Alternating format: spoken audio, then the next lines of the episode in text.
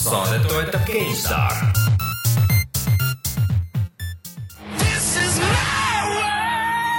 parim koht Assassin's Creed'i filmi vaatamiseks on kino Kosmos IMAX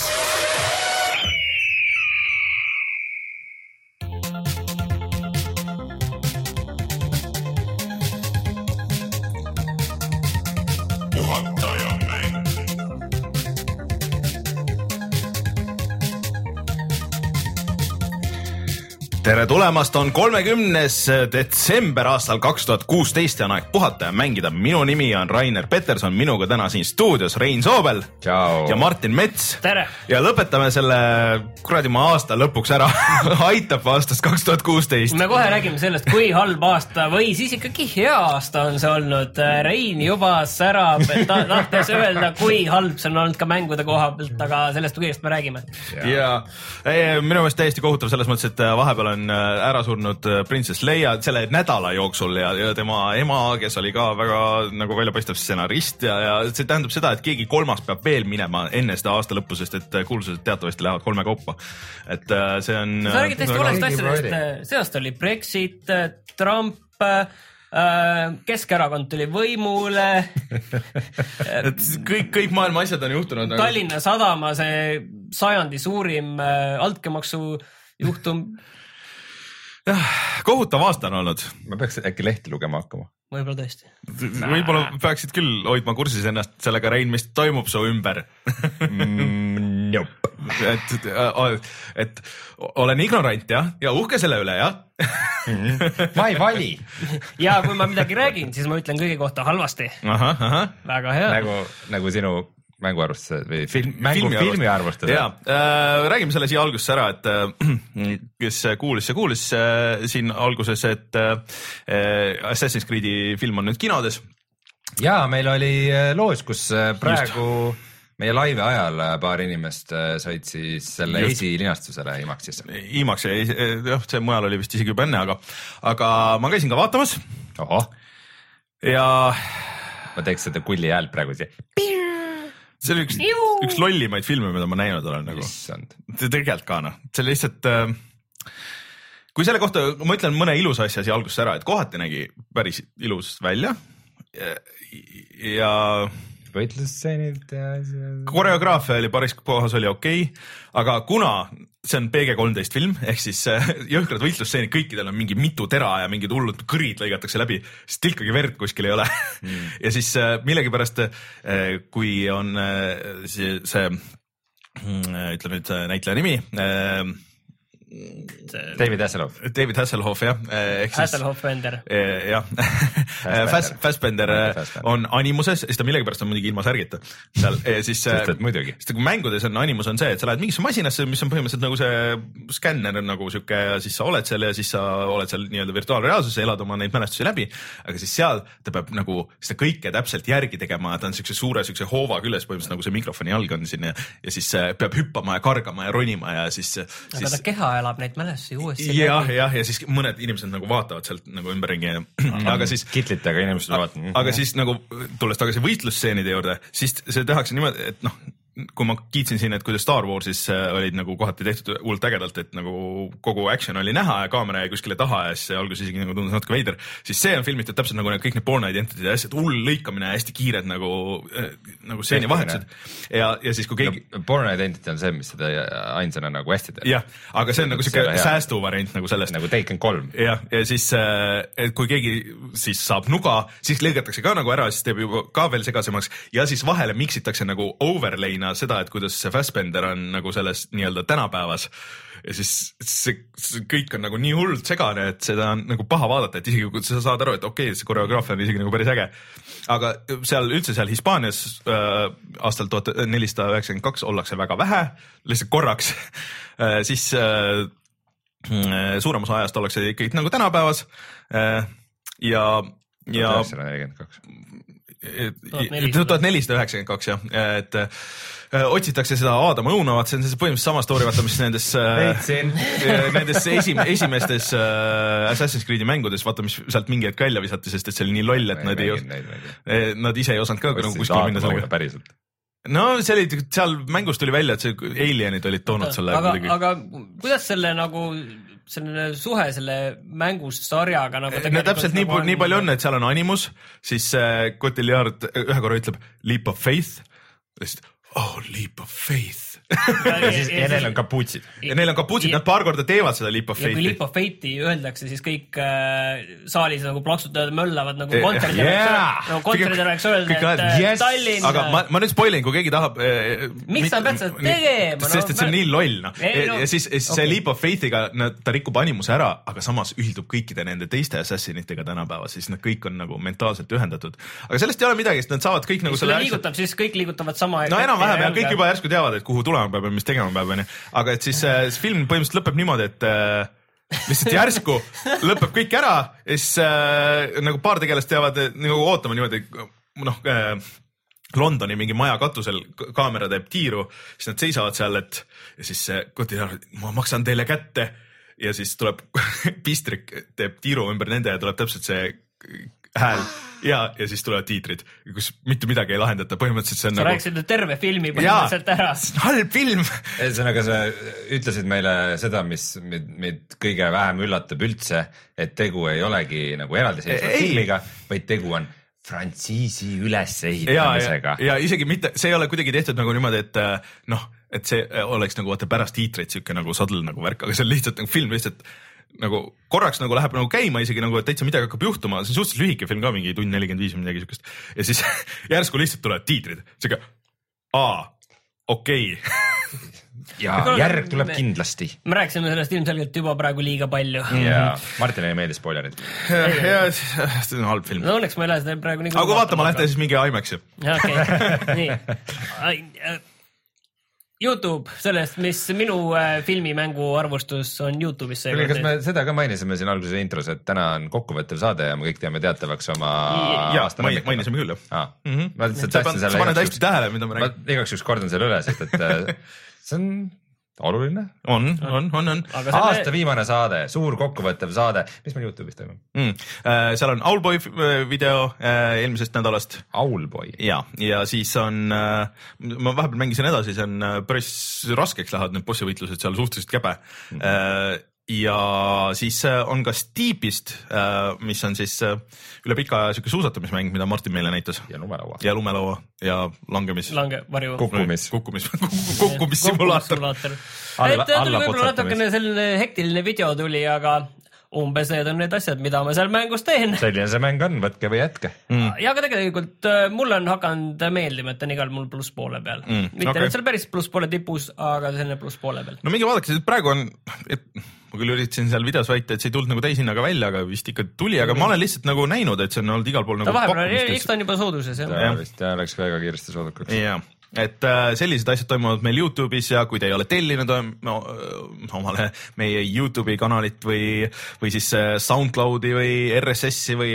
iTunes'ist kui te kuulate sealtkaudu, siis minge ja tehke palun seda, see kõik aitab meile väga palju kaasa, meie Facebooki lehekülg on täitsa olemas meil on puhatamängida.ee, kuhu loodetavasti siin nädala jooksul me paneme nagu natuke pikemalt kirja ka võib-olla need oma lemmikud, et täna räägime selle oma top kolme aga siis äh, nagu eelmine aasta võtsime kirjasõnas ka kokku selle aasta enda jaoks ja võib-olla see ongi natuke vist ainus asi, mis me oleme kirjutanud oma kodulehele viimase aasta jooksul. sisuliselt küll jah. aga üks kord aastas siis on midagigi. punkt kirjas. ja, aga eks me jagame seda igal pool ka, kui see üles tuleb ja siis lisaks, et jah, et minu pikem top on juba Ekspressis viimases ja siis see, selle suurepärase filmiarvustuse leiab ka Postimehest. ja siis äh, tegelikult vist homme peaks tulema äh, level ühe aasta kokkuvõtte video, kus ma võtan sõna korraks. ja äh, siis järgmine nädal, ütleme selle ka siia kohe algusesse ära, siis äh, järgmine nädal ei tule nagu päris saadet, neljapäeval või siis tähendab reedel tuleb muusikasaade, mis on traditsiooniks saanud igal aastal tegelikult, et kuna seekord nädalad sattusid ilusti, siis saime nagu päris saate ka teha, aga äh, järgmine reede siis muusikasaade ja järgmine laupäev siis äh, päeval äh, selline pikem striim, kus me tegelikult ka esimest korda mängime laivis mänge koos külalistega. praeguse seisuga on tulemas äh, Sten Koolman, on tulemas äh, Jan Rist Euronixi mänguklubist, on tulemas äh, Delfi Forte peatoimetaja Madis Aesmaa, on tulemas meie, on tulemas Oliver Rauam siis ja vaatame võib-olla veel keegi, et täpse kellaaja ütleme Ehm, ma arvan, et järgmise nädala jooksul, äh, millal see algab, aga kuskil ühe-kahe aeg ja, ja siis. ütleme selle ära ka, et sellest siis seda audioversiooni ei, ei tulegi tule, sellest tule. asjast, et Just. see, see tuleb ainult Youtube'i. see tuleb ainult Youtube'i. eksklusiivsus. see tuleb lihtsalt nii pikk ja, ja kindlasti mingil määral ka nagu audiokuulajatele selline lohisev, et ma arvan, et see ei ole nagu hea kuulamismaterjal, see on rohkem selline no, lõbus vaatamismaterjal. Youtube'i saab ka telefonist äh, kuulata kõrvale, kui, kui on soovi ja ei, taha seda videoversiooni vaadata, et äh, on ka optsioon. aga sealt alla saab laadida laadida? mingite äppidega saab küll pikkuse limiit. Äh, no igaks juhuks seekord oleme targad ja lindistame ka nagu tervet saadet, et kui sihuke pikk äh, video, Youtube'is tegelikult maksimum vist on mingi kuus tundi või kaheksa tundi, ma ei mäleta, et me peame kuidagi nagu igaks juhuks olema ma võtan, valmis. ma võtan magamiskoti kaasa, vahepeal viskan siia pikali korra ja. kuulge, aga see aasta? See aasta oli numbriga kaks tuhat kuusteist. oli täiesti kohutav aasta nagu täiesti kohutav aasta. kõiges muus peale mängude see, ma tahaksingi nagu seda asja nagu. Te tahate kohe nagu alustada ei, seda ma... kokkuvõtet sellega, et me kohe ütleme kohe mingi hinnangu ära ja siis. ei, jaa, selles mõttes, et ja Rein, sa oled nagu ah,. ja Toots ka on tulemas, jah ja., sorry et sa oled, Rein, kogu aeg öelnud, et äh, see kaks tuhat kuusteist, see, see aasta on ikka mängude koha pealt jõle kehv. oled ikka korduvalt seda öelnud. ikka tõesti kehv. kuidas sulle nüüd tundub, et sa juba, juba ütled, et jah või? jaa. aga Rein, minu meelest just on olnud aasta, kus äh, ma üle väga mitme aasta suudan äh, nagu peast öelda äh, kümme mängu, mis mulle väga meeldisid. Mina tegin ka endal top kümne nagu meil ja. lehekülje jaoks valmis ja ei olnud probleemi, seal tõid välja nagu sellised asjad, mis mulle tegelikult täiesti Just. meeldisid, kasvõi seesama Steep, Watch Dogs kaks ja, ja veel asju, iga, kõik remaster'id põhimõtteliselt ma jätsin välja, mis ma see aasta läbi tegin, need ma jätsin lihtsalt välja. et ma oleks saanud nagu sinna, poleks isegi kui väga tahta, oleks nagu top kahekümne saanud oleks nagu ka. väga headest mängudest. Äh, ja kümme siis, mis mulle tõesti meeldisid ja no mul see top kolm praegu on nagu noh, sihuke, et noh, noh, okei okay,, et mm. lepime siis, et, et natuke raske, et mis, mis see täpselt, et äh, minu meelest oli just mängudes nagu hullult hea aasta äh, ja kuidagi just täpselt minu maitsele nagu need asjad ja minu nagu, et need shooter'id, mis olid, olid täpselt nagu minu maitsele shooter'id, need hiilimismängud olid nagu minu maitsele hiilimismängud ja need indikad olid nagu minu maitsele indikad nagu selles mõttes. aga ma viskan. oli nagu... Raineri aasta. jah ja põhimõtteliselt juba sellest rääkisid, aga viskaks nüüd natuke nagu edasi seda konti, et eh, minu meelest oli see aasta, kus eh, suured järjed olid head. Et eh, vaat me oleme kogu aeg rääkinud, et jaa, kõik teevad neid suuri järge, ainult et keegi ei riski teha neid uusi mänge, aga kui me vaatame neid uusi mänge, mis tulid, mis on tegelikult pikad sarjad. Mm, -hmm. Doom. Mm, -hmm. Hitman noh, Dishonored kaks, Watch Dogs kaks olid okei okay., noh, Uncharted neli, kindlasti väärt äh,. Ratchet and Clank, Deus Ex oli mm, -hmm. mulle väga meeldis. Dark Souls. Dark Souls kolm, see oli nagu kindla peale minek niikuinii, et tegelikult need suured järjed äh, olid enamasti head, jah, okei okay,, ma ei tea, ma ei oska seda Battlefieldi ühte, ma ei oska seda Call of Duty't nagu, okei okay,, Call of Duty Infinite Warfare'i ma võib-olla oskan sinna keskpäraseks panna. Battlefield üks tõenäoliselt nendele, kellele meeldib, on päris hea, onju, mhm. et äh, minu meelest nagu oli selles mõttes nagu hea aasta. et äh, mõned järjed noh, olid äh, keskpärased, aga ei olnud halvad, et Gears no,. Ja oli... Gears olid tõenäoliselt need, mis olid sinna noh, siuke kes-. okei okay,, Mafia kolm ja Gears nagu ühte. ei, päris ühte pealt ei pane. et Gears oli väga korralik, aga ta ei teinud nagu midagi erilist, et ta, see oli nagu uue stuudio esimene siuke. minu meelest see ongi siuke defineeriv lause nende suurte kaks tuhat kuusteist mm. mängude kohta, et paljud olid nagu väga korralikud, aga ei teinud midagi erilist mm. -hmm. ja et... see on ka põhjus, miks sageli mulle need äh, järjed nagu üldse ei klikkinud, et mm. -hmm ma ei tea, eks ma olen muidugi vana ja kibestunud ka, aga kogu aeg on tunne, et mm. -hmm, need animatsioonid ja asjad on nüüd veidikene paremad kui eelmises, aga ikka täpselt sama asi, et midagi nagu uut või siukest erilist riskimist ja julgust ei no, olnud. tegelikult veel aasta alguses oli veel, mis noh, okei okay,, keskpärase kanti läheb, oli see Far Cry Primal, mis ma läbi tegin veel mm -hmm. seal, et okei okay, no,, ma olen nõus, et seal oli toredaid asju, aga okei okay,, te võite siin raputada oma, oma pead palju tahate, aga seal oli tegelikult ägedaid asju aga, aga kokkuvõttes ma olen nõus, et ta jääb sinna keskpäraseks, aga need põhjused, okei okay,, me ärme hakka nende üle enam mm, vaidlema, aga, aga lihtsalt see. aga mägrad olid ägedad. mägrad olid ägedad. minge vaadake meil kuskil need vanemad saated sellest aastast on äh,, suudaks ainult järge pidada, et kus täpselt, et äh, ja tegelikult äh, noh, tüübid üritasid küll riskida, ehk siis näiteks The Division on ju, mis oli äh, suure firma ikkagi esimene või noh, nagu uus äh, siis äh, frantsiis ja kõik mm, siis see läks täiesti pekki ju tegelikult yeah., kuigi see nüüd pidavat olema palju paremini aga sellest on tegelikult natukene kahju, et see pekki läks, sellepärast mm et see võtab seda julgust selliste asjadega yeah. riskida küll kõvasti maha okei okay,, see oli nende enda viga, et see mm., see oli selline alguses kehva läbimõtlemata, põhimõtteliselt ta oli ikka no, selline Destiny. kuidas sul probleem. saab olla nii suur mäng läbimõtlemata? no see oli, see oli läbimõeldud, aga see oli valesti läbimõeldud. kuidas saab olla, et äh, vot see ongi kuidagi see, et äh, kuidagi need äh, nagu mängud on läinud järjest suuremaks ja keerulisemaks ja kallimaks ja siis eh, kogu see rõhk läheb nagu just sellele, et need tekstuurid oleksid ilusamad ja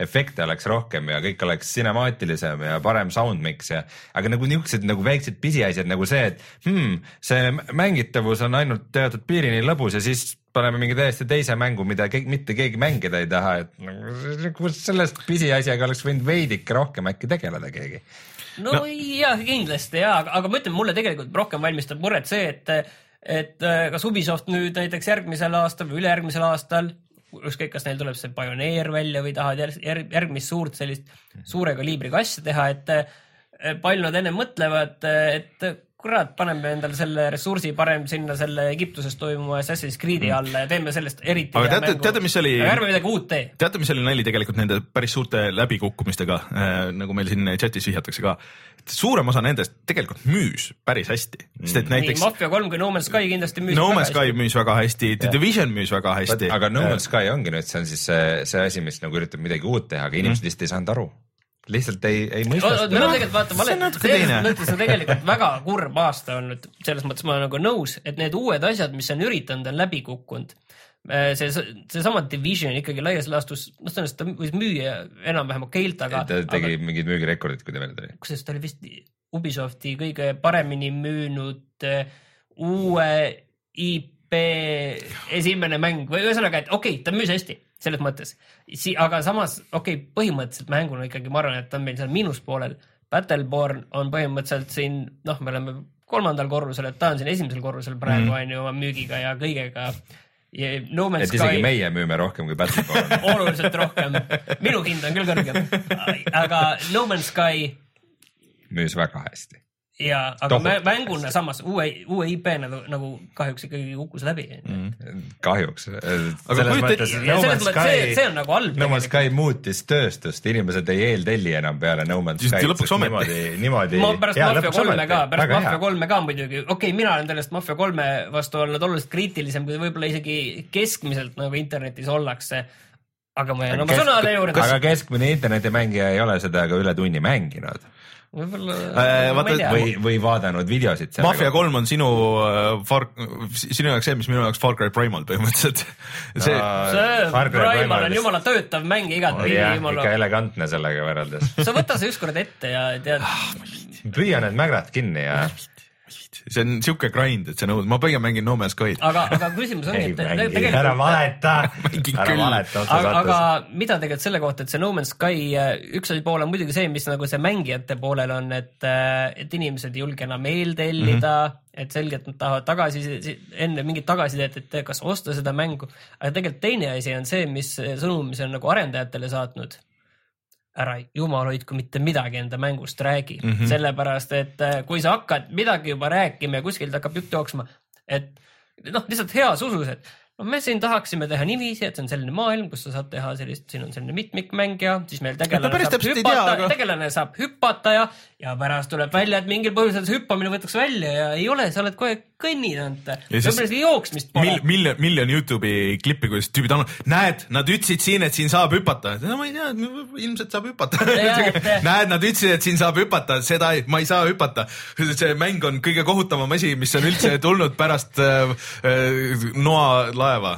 Sky et, et äh, see on tegelikult üks asi, et võib-olla me hakkame nende mängude kohta väga palju vähem kuulma, et pannakse seal rohkem nendele levitaja ütleb, et näed, te ei tohi oma mängust mitte midagi rääkidagi, eriti te võite näidata väga palju seda ilusat pilti ja selle pildi järgi inimesed võivad ise välja mõelda, mis seal toimub või ei toimu või on see lihtsalt mm. selline ilus reklaampilt, reklaamvideo nagu oli No Man's Skyl, aga mis seal tegelikult on, seda näete siis pärast. no väga halb trend ju nüüd viimasel ajal, et arvustajatele ei saadeta neid eelkoopiaid ja saadetakse pigem äh, äh, igasugustele Youtube eritele ja striimijatele, et äh, kes äh, muidugi ütlevad selle mängu kohta kõike head, sest et nad tahavad järgmine kord ka saada ja, ja võib-olla tahavad natuke rahagi saada, et äh.... tegelikult võiks sellest äh, Youtube'i ja striimijate asjast ka natukene rääkida, sest et äh, see, et nad on nagu muutunud niivõrd populaarseks mm, -hmm. mitte, mitte meie, meie oleme alati samasuguse populaarsed. me ei ole ka Youtube eridega. jah, me ei ole ka Youtube'i ja striimeridega, aga kuidagi. mängu, mänguajakirjanikud. kuidagi see,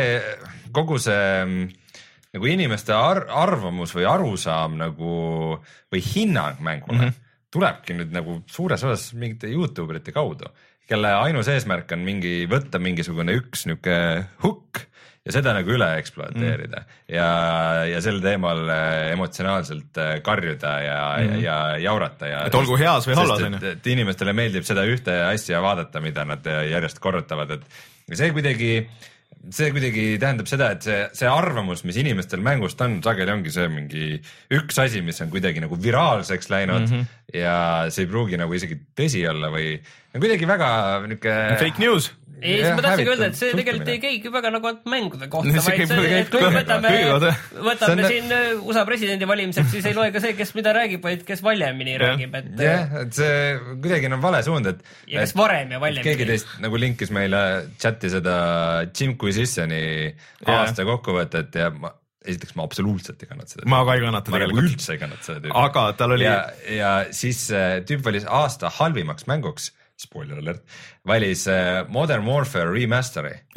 see oli väga hea remaster, just... aga talle ei meeldinud, et seal olid mikromaksed ja kuidas te panite minu lemmikmängu mikromaksed ja kuidas ta saab ainult teise mänguga ka aasta halvim mäng.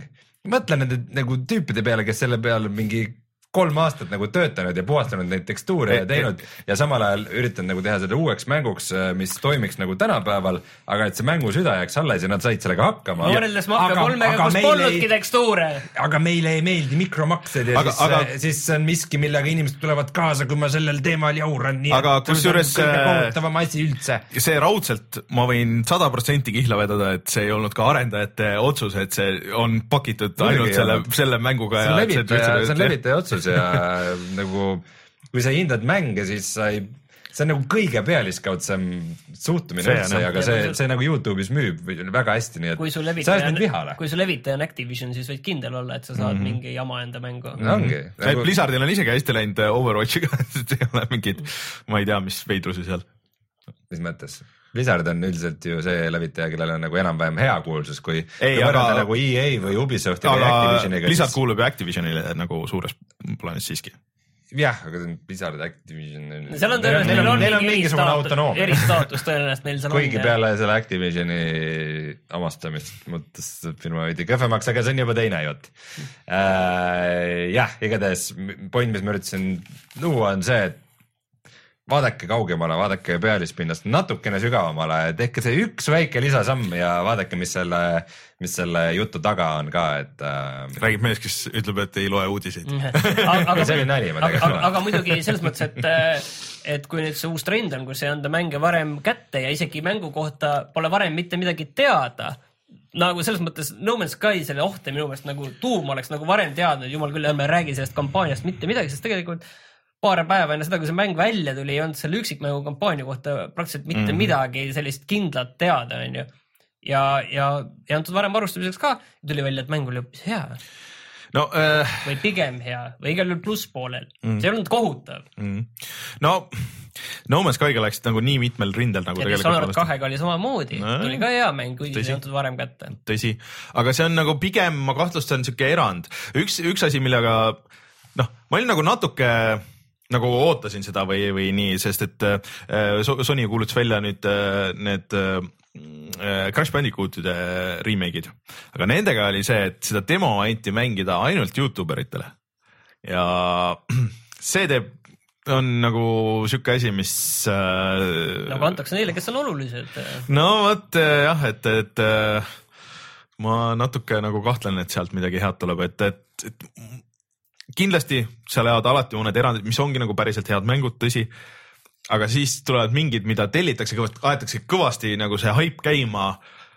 Ja siis, et tuleks seda eeltellimust ja, ja seda mingit, et tüübid mängiks rohkem kui see kaks-kolm tundi, mis nüüd saad äh, tagasi, onju, ja siis sealt kuskilt kukub mäng ära, et näiteks vist see Recall, mida vist keegi ei mänginud see aasta, et sellega olla nagu see probleem, et mängu lõpuosa on täiesti suvaline ja, ja tühi ja, ja et ma arvan, et siukseid asju me paraku vist hakkame nägema siis rohkem nüüd mm no see on nagu see oht on nagu olemas, aga ega ma nüüd päris niiviisi kindel ka ei ole, et kas niiviisi nagu Arvad. hakatakse neid mänge nii palju nagu niiviisi tuimalt väljast, selles mõttes Mafia kolm oli ka selline asi mm., kus esimesed noh, kolm-neli tundi olid suhteliselt okei okay ja seal mm. oli nagu tihkelt lugu, see nagu päästis kohanemas väga palju, nagu pärast see lugu unustati kuskil äh, tihke kolme tunni grind'i vahele onju mm., et äh, et see, seal oli ka jah, see, seesama probleem. Mm teate, see on üks lause, mis mulle väga meeldib.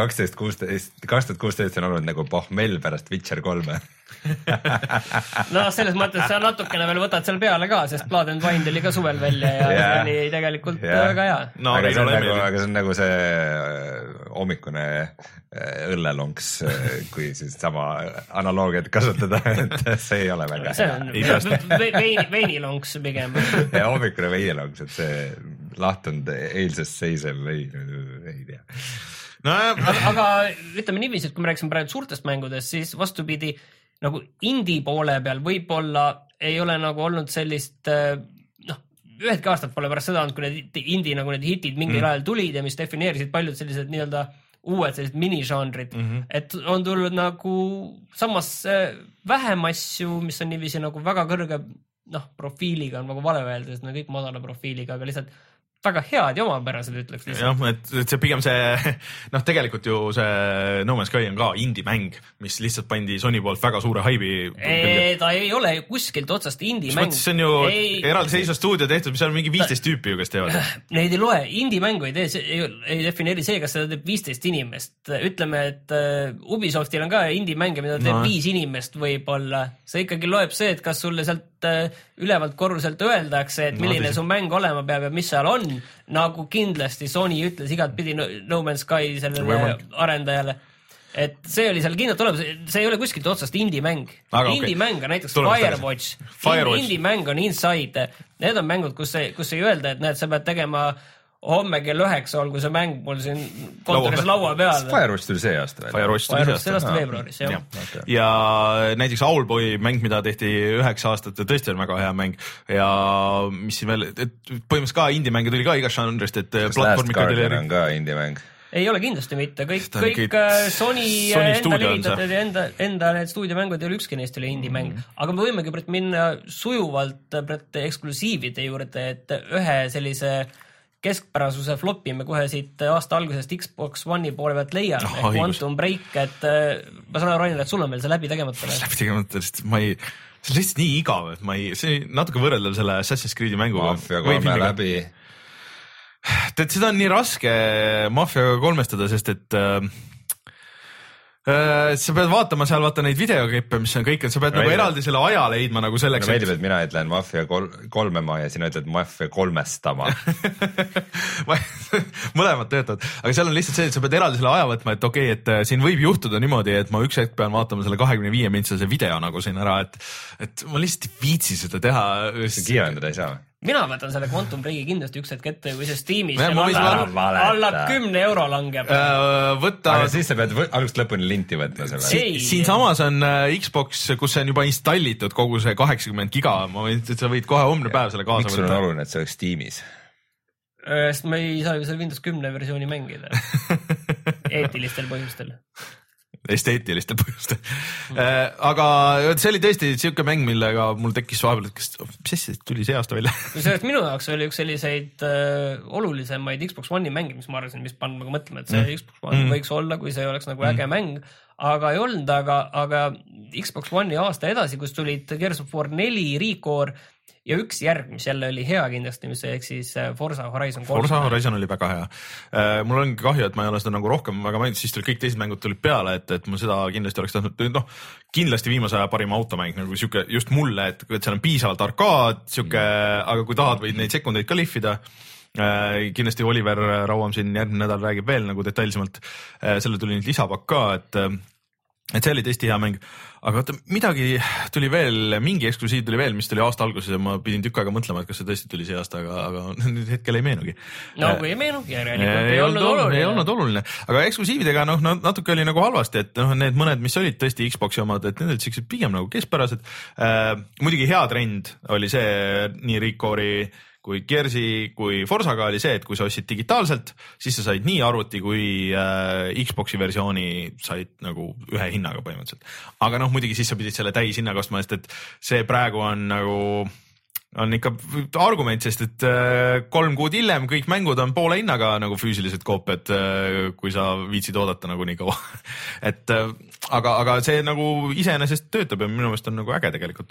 aga so Sony jah, eksklusiivid aasta alguses kohe kaks head eksklusiivi ehk siis platvormikas Ratchet and Clank ja Uncharted neli.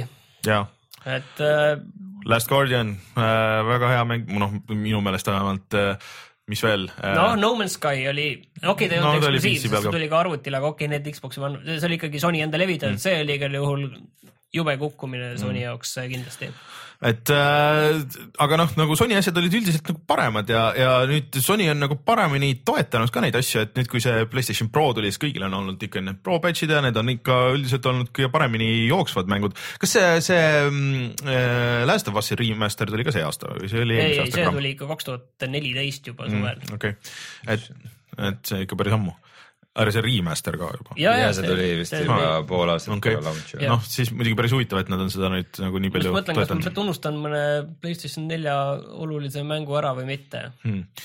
no meelde ei tule, siis järelikult ja, ei ole oluline. aga kas me peaksime seda, okei okay.. ei, et tõesti nagu äh, Indika rindele, et mul veel meenus muidugi, et äh, suurepärane Superhot, mis tuli see aasta, mul läks täiesti nagu tegelikult meelest ära, et see tegelikult tuli eelmise aasta lõpus äh,. tuli äh, meile jah, me saime saime natuke varem selle, aga see tegelikult oli vist kas viisteist jaanuar oli see väljatuleku aeg, et, et see tegelikult on pigem nagu selle aasta mäng, konsoolidele tuli ka veel see aasta. et äh,. ikka veebruar kaks tuhat kuusteist. või veebruar lausa jah ja.. et äh, see oli üks asi, mis mul jõudis nagu meelest ära minna kogu selle aasta jooksul, aga, aga see oli tõesti väga hea mäng, mis mulle väga meeldis. ja see on ka, peaks olema täiesti indie-mäng mm -hmm. selles mõttes. no see oli mingi Tšehhi stuudio ikka et ja see Superhot VR-i kiidetakse ka väga, et mm. see mulle tundub, et võiks toimida küll nagu seal aga kui me eelmine aasta tegime selle siis tavalise Playstation nelja ja Xbox One'i võrdluse ja siis me ütlesime, et Playstation neli on parem et kas me nüüd peaksime seda asja kuidagi ümber vaatama, et me oleme sellest rääkinud pikalt mm., aga lihtsalt korra siin aasta lõpus veel selle asja nagu vaatame üle. no mina ikka jään selle juurde, et Playst-, kui praegu osta konsooli, siis see on Playstation neli Pro, et äh, Xbox'i ja kui see on väga mingisugune spetsiifiline põhjus, et aa, et sul on ports sõpru, kes juba mängivad seal mingisugust spetsiifilist mängu või eh, kuigi see Pro äh,, Xbox äh, One Slim siis äh, on noh, see riistvara on nagu nii palju parem kui see vana versioon ja näeb parem välja ja ta on väiksem ja vaiksem ja no, noh, vaiksem nii ja naa, aga Äh, väiksem ja, ja, ja natuke võimsam ka, onju aga noh, see kasutajaliides muidugi on täielik horror ikka veel. ma just panin selle tööle eile ja üritasin kümme minutit leida, kus seal poes nüüd need Goldi nagu need asjad on. et äh, see ei ole muutunud, loodetavasti muutub, aga Playstation neli Pro on äh, siis minu meelest ikkagi see konsool. mina olen praegu selle enda Proga, PlayStation neli Proga väga rahul, välja arvatud üks veider asi tekkis, kui ma seda tuumi just äh, Äh, panin pausi peale ja siis kostüümiga läks see konsool nagu stand-by peale, siis ta ei tahtnud enam sellest välja hmm. tulla hmm. et see on see mingi kas, needus. kas see on tuumi mängul..., tuumi viga või see on? no äh, praegu mulle tundub, et tuumi viga, et kui ma enam nagu ei jätnud seda mängu hmm., noh, mul on tavaliselt niiviisi, et mängin, jääb hmm. pooleli siis tegelikult ta läheb, mul oli mul pandud juba niiviisi, et ta viieteist minutiga läheb juba sellesse stand-by mm -hmm. režiimi. et äh, siis ja ma lihtsalt panin selle mingi tunni aja peale mm -hmm. ja siis äh, proovisin tuumiga äh, ei tulnud sellest enam välja, aga kui tal läks nagu ilma ühegi mänguta või mingi mõne mm -hmm. teise mänguga nagu stand-by peal ja siis ei olnud nagu mingit probleemi et siis, siis on äkki... mingi tuumi häda. okei okay,, veider äh,. aga muidu oled rahul? muidu, muidu olen rahul aga et äh, anda Xbox One'ile krediiti, siis äh, üks, ühte asja nad teevad väga hästi mida Sony ei tee, ehk siis see on äh, kogu see tagasiühilduvus mm., millega, mis, see vist tuli välja juba eelmine aasta või mm? -hmm.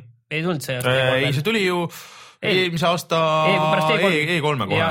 Et kui eelmise aasta siis tundus lihtsalt, et okei okay,, väga tore, et teevad, siis see aasta nad on nagu väga palju sisu sinna pannud no, ja kolmsada mängu vist. üle kolmesaja mängu ja iga nädal sisuliselt tuleb juurde.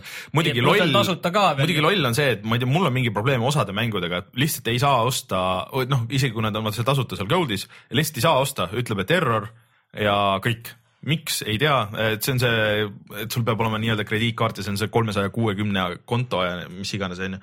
et äh, osad asjad ei tööta, aga samas, kui sa oled näiteks juba mõne mängu ostnud digitaalselt äh,, siis see lihtsalt ilmub sulle sinna library'sse ja kõik ja ongi valmis.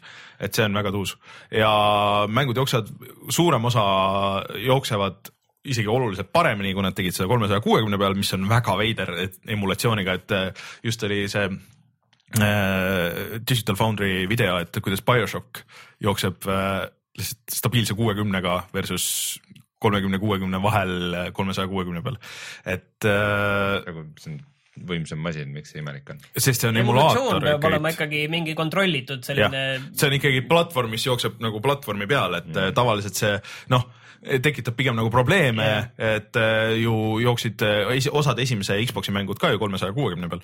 Ja no need olid tavaliselt olid siuke noh, põhimõtteliselt, aga alati oli, kas oli mingid tekstuurid siin või natuke mõned kaadrid nagu vähem, aga esimest korda on niimoodi, et tegelikult jooksevad paremini. Ja nüüd mind väga huvitab see, et mingid kõlakad olid see, siin aasta lõpupoole, et, et võib-olla pannakse originaal Xbox'i tugi ka, see oleks väga tuus.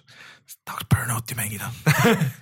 Ja Sony ma ei mäletagi, kas see tuli neil tegelikult välja juba eelmine aasta, igal see Playstation Now striimingu teenus, millega peaks siis saama mängida mm. oma Playstation kolme mänge, see on äh, pole siiani meil veel kättesaadav, kuigi ta on nüüd juba jõudnud ka Euroopasse, vist Inglismaale, võib-olla kuskile veel mujale. aga kokkuvõttes ikkagi ideena see striimingu teenus tasuline mm. on ikkagi äh, oluliselt kehvem variant see, kui Xbox, Microsoft teeb enda selle tagasiühilduvusega, et, et siin on nagu kindlasti üks suur pluss Xbox One'ile. seda küll jah, et kui sul näiteks on olemas juba mingi suurem ports kolmesaja kuuekümne mänge, mida sa võib-olla nagu tahad isegi mängida veel või, või äh, või sind huvitavad mõned kolmesaja kuuekümne mängud, vot praegu on näiteks see, et Last Guardian, et mul ikka väga tekkis soov mängida uuesti äh, seda Äh, Shadow of the Colossust, aga see tähendab seda, et ma peaks oma äh, Playstation kolme uuesti ühendama ja siis sihuke, et see oleks äh, jube tüütu, õudselt mõnus oleks panna see plaat sinna sisse või osta see digitaalselt uuesti nagu, mis tänapäeval maksaks, on ju mingi kümpa või midagi, et, et või siis nüüd pean ootama mingit remaster'i, remaster'it mingi raha eest, et see on ka nagu natuke mõttetu. et selles mõttes see tagasiühilduvus on, on väga tänuväärne. ja Sonyl on PS4 peale tulnud ka neid PlayStation kahe mänge üks paras ports, et ma ei ole neid nagu eriti palju proovinud, mm.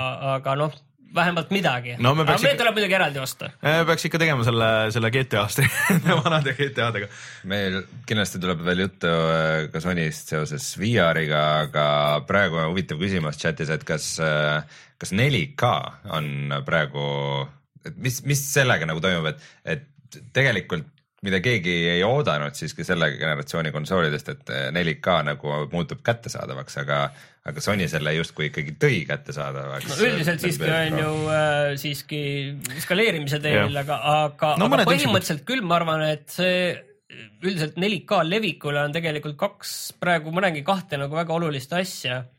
on, üks on seesama PlayStation 4 Pro ja noh, järgmine aasta siis ka Scorpio, Xbox One Scorpio ja siis teine asi on lihtsalt see, et uh, uus telekas on, ongi, ongi tõenäoliselt 4K telekas mm, -hmm. sest mhm. lihtsalt uh, kui sa tahad suuremat, siis lihtsalt ja mo monitorid lähevad ka, et, et see nüüd on see, et uh, veidral kombel need monitorid on nagu pikslite arvu poolest nagu arvutimonitorid siis nagu veits alla jäänud, et okei okay,, hertse on rohkem ja noh, igasugused muud nagu eelised. nagu kõigile need telefoni, telefoni omad on ka vähemalt sama head kui ekraanid, kui, kui need pikslite arvu ja, poolest, kui. et uh, ma ise peaksin, noh, mul, ma olen selle oma full HD telekaga veel ikka jätkuvalt nagu suhteliselt rahul aga ma peaks tahaks nagu arvutimonitori mingi hetk uuendada, sest et mul siin vahepeal oli üks küll väga keskpärane monitor testis 4K, aga see on lihtsalt nagu niivõrd palju mugavam nagu mingit päris nagu asja teha, mingit videot monteerida või, või pilte keerata, kui sul on lihtsalt rohkem piksliruumi, onju. Mhm. et äh, aga siiamaani on olnud nii, et 4K monitorid on olnud kas viletsad, kolmkümmend hertsi ainult, et noh, seal ei kõlba nagu suurt midagi, midagi teha või siis hästi kallid mm.. aga et nüüd hakkab tulema nagu vaikselt siukse mõistliku hinnaga, kui nad nüüd need mängimise jaoks need hertsid ka nagu paika saaks, noh, minu jaoks eriti pole oluline, ma niikuinii, kui ma saan selle kuuekümne kätte ja mind need kõrgemad hertsid enne seda järgmist äh, videokaardi generatsiooni nagu eriti ei morjenda, et ma selle siin jätan kindlasti vahet selle tuhande. selles mõttes ma vahepeal vaatasin monitore ja kui sa tahad mm, -hmm. kui sa tahad mingi 4K äh, üle kuuekümne mhm. hertsi IPS paneel äh, ja G-Sync et need kõik olemas oleks. kolm mudelit on esiteks ainult. esiteks neid ei ole lihtsalt ja nende review'd ei ole nagu teab mis head ja need, mis on, maksavad ka kaheksasada, üheksasada eurot, et. vähemalt, kaheksasajast hakkavad jah, et ja need on ka üldiselt vist on Aceri Asus on, kes siis seal. ja näevad elukoledad välja nagu need. Dell on nõksa kallim. see on nagu üks, üks sihuke valdkond, kus ei ole siukest äh,, siukest niukest defineerivat mudelit tulnud nagu mingi mm. ala nagu GTX üheksasada seitsekümmend. ei, praegu hakkab tulema, see on juba märk, et äh, tuleb siukseid neid AOC ja kõik need siuksed odavad ja. 4K äh, paneelid, et, et vaikselt hakatakse ja, tootma. Äh, noh, selles mõttes paneeli tootjaid mhm. iseenesest on üldse väga vähe, et see, mhm. et sellised tootjad nagu AOC neid saavad teha, sest nemad ise paneele ei tee, neid mhm. paneeli tootjaid on ainult seal mingi käputäis seal Hiinas, et äh, Jaapanis, Koreas, et äh, see näitab, et need paneelid tulevad juba, hakkavad mm -hmm. muutuma odavamaks ja tegelikult Rein selle vastus sinu päris algsele küsimusele, siis minul on küll tõsine plaan nagu järgmine aasta nüüd endale kogu aeg 4K kuvar ära osta küll mm. -hmm. kuvar just siis,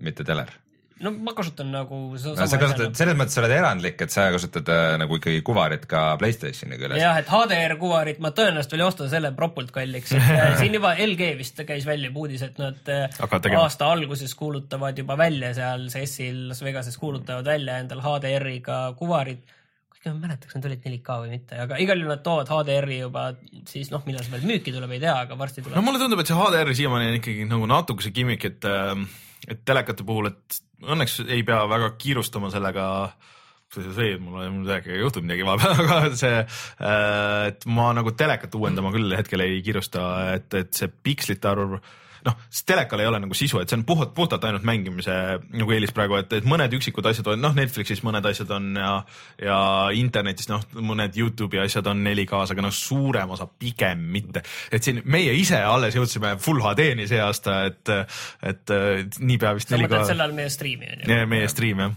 meie mänguvideod on ammu full HD-s loomulikult. aga, aga ma tahtsin ühe, ühe teema veel südamelt ära rääkida, mis minul on nagu see aasta nagu nagu olnud selline üks läbiv teema, see, et mul on tunne, et see kõik need asjad, mida Deltail teeb, et see ei ole enam äge. mul on tegelikult, selle ütleme lihtsalt kokku, et mul on tunne, et see aeg läbi. jäi sellesse aastasse või? Ei, see jäi pigem eelmisse vist. või see Game of Thrones'is. Game of Thrones oli küll eelmine aasta. mingi asi tõenäoliselt lõppes ka see aasta veel. Äh, kas nad jah kuidagi tavaliselt sügisel alustavad ja kevadel lõpetavad? kas, kas mitte ei tulnud see viimane Borderlandsi osa tegelikult äh, no, täpselt samal ajal eelmine Minecraft aasta? Minecraft story mode lõppes igal juhul sel aastal. no ühesõnaga, ma olen nõus sinuga, et räägime siia korraks ära, et mina lõpetasin ka selle Batman'i ära. ja ma ikka väga puhttehniliselt ma ikka väga pettusin nagu selles, et see oli ju alguses räägiti, et oh, uus mootor, kõik asjad ja siis teine osa juba jooksis nagu natuke paremini.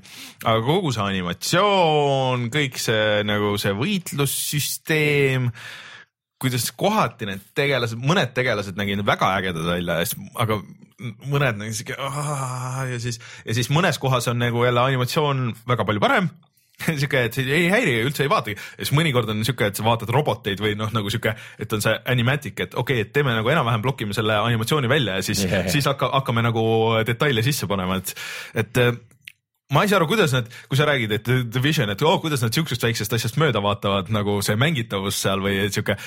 kuidas Deltail, teil kogu see jumala asi on põhimõtteliselt see animatsioon, okei okay,, story ka. Neil on, nad aga... oskavad story't kirjutada teatavasti. no joo, siin no, aga nüüd sellega vist sellega... läheb ka nagu järjest rohkem või? see Batmanil oli natuke seesama point, mis äh, sellel Assassin's Creed'i filmil et. ma tahtsin öelda nagu nalja teha, et ei, Assassin's Creed'i filmil, aga no, okei okay,, sa tahtsid seda öelda. see lõpetati ka ära lihtsalt siukse cliffhangeriga nagu, et äh, ja sinna toodi ka, et alguses tundus, et oh, et see on äge siuke intiimne lugu siukse paari tegelasega, hästi siuke esimesed kaks-kolm osa olid siuksed hästi konkreetsed. ja siis või seal kuskil kolmanda osa lõpus, et okei okay,, hakkas veel tulema tegelasi ja veel kõik, tulema tegelasi. sa tahad öelda kõik pahad tegelased no,? kõik pahad tegelased marketing. aga sest, et minu, minu meelest oli niiviisi, et see kolmanda osaga pärast seda lihtsalt nagu pingelangus, see kaks ja. episoodi, siis läks, läks nagu lihtsalt niiviisi allamäge, et ei olnud enam isegi Oligi. loos ei olnud midagi, mis nagu hoiaks neid nagu oh,. et see oh, ainuke oh, asi oligi, et sinna toodi nagu uusi tegelasi juurde, et näed, aga see on ka nüüd siin. ja, siis saadi nendest lahti ja siis saadi nendest lahti ja kõik ja, ja need ei kujutanud Batmanile mingit ohtu. aga võib-olla üks asi veel, mis mind nagu ärritas, tegelikult alguses seda reklaamiti välja kui sellise mänguna, kui, kui et sa saad ise otsustada, vaata milline see sinu Batman on, pluss et sa saad mängida Bruce Wayne'ina. sa said valida seda oma äh, Batman'i nende vidinate värvi. okei okay,, see kuskil mängis mingit rolli isegi natuke, aga okei okay,, Bruce Wayne'ina nagu oli okei okay, isegi, ma arvan, selles mõttes, et sa võid paaris kohas valida, kas lähed Bruce Wayne'ina või Batman'ina mm., okei okay,, see oli vähemalt mingi valikumoment selles mm. -hmm aga see asi, et sa saad valida, milline Batman sa oled, sest ma saan, mina ei ole nagu suur Batman'i fänn inimesi, aga ma olen aru saanud, et Batman'i maailmas on nagu väga oluline see, et see nii-öelda see Batman'i see tumedam mm. pool ja see, et, et kuidas ta nagu teeb neid valikuid, on ju, et. no ma olin see klassikaline nagu Batman, kes, kui vähegi võimalik, siis ta ei tapnud mitte kedagi ja, ja nii edasi ja siis vaatasin suurema osa. seda ei olnud üldse tegelikult, välja arvatud mõned dialoogivalikud, et oss, ma nüüd siin torisen siin natukene aga, ja mossitan. aga lihtsalt mulle see loo nagu põhiülesehitus, see, kuidas see oli keeratud, kogu see Batman'i sünnilugu ja tema see vanemate värk, kuidas see oli nagu täiesti teist, noh, minge praegu mängige, see esimene osa on tasuta tegelikult, et seal äh, see lugu pannakse, ehitatakse päris ägedalt üles, aga siis oligi nagu, et kõik see muu nagu siis nagu võttis seda nagu jälle sealt maha ja siis, siis ei olnud nagu noh, lõppes nagu oluliselt viletsamal noodil, aga, aga ma mängisin arvutil seda. Telltale'i mäng, noh, seal on ainult see animatsioon, see on arvuti mul on äh, sihuke, kus äh, äh, Titanfall jookseb kuuskümmend kaadrit sekundis stabiilselt kogu aeg ilma mingi probleemita. Doom'i suutsin jooksutada peaaegu kuuekümnega ultra peal 4K-s, kui ma testisin asju. ma pidin maha keerama graafika setting uid, et see suudaks hoida nagu stabiilselt üle kolmekümne nagu kohati ja, ja nagu stseenide, see läks nagu viimaste osadega nagu eriti hulluks, et nagu stseenide vahetus nagu sihuke korraks oli siuke kahesekundiline nagu siuke must ekraan, siuke nagu ja siis kuidas see saab olla, õnneks ta ei crash inud, ei kadunud äh, tüübid ära nagu sul see mul, meie video. jah, mul crash'is, kadusid tüübid ära äh,. Playstation kolme peal, see üleüldse vist. silmamunad jäid tähendab. silmamunad jäid. et äh, see oli isegi ju see Digital Foundry video, et äh, see on kõige viletsamini jooksev mäng üleüldse Playstation nelja peal, mis vahepeal kukub kuskile viieteist kaadri peale nagu stabiilselt. ja võitlusmomendid näevad sellised lollakad välja, kui seal peaks mingi kiire action käima, siis mingi mõni tats seal niiviisi ja. Nüüd me oleme liiga pikalt sellest okay. Batmanist no, rääkinud. ühesõnaga aga..., ma tahaks öelda lihtsalt, et minu meelest äh, sama hästi oleks võinud see Batman ka olemata olla, poleks midagi juhtunud. ja mul on nagu, mulle Guardians of the Galaxy nagu filmina täitsa meeldis ja nüüd nad teevad selle Guardians of the Galaxy. vot, ma need uued asjad, ma ei olegi ma ei taha. ja nagu ma olen öelnud et see Walking Deadi kolmas hooaeg, et see nagu saab minu jaoks nagu väga otsus, otsustavaks asjaks, et mm., et kui oluline see räägime siia kohe ära, et kuidas ja, sa oled nagu mänginud seda, et. ja, ja kaks need esimest episoodi, mis tulid koos välja mm, -hmm. ma tegin need läbi ja ma olen ikka väga niiviisi, et äh, noh, vähemalt ütleme, et oot-, nüüd noh, ootused nüüd saavad minna ainult ülespoole. pigem nagu äh, väga keskpärane sama hästi võiks olemata olla sellises kohas, et seal on uus peategelane peale Clementine'i.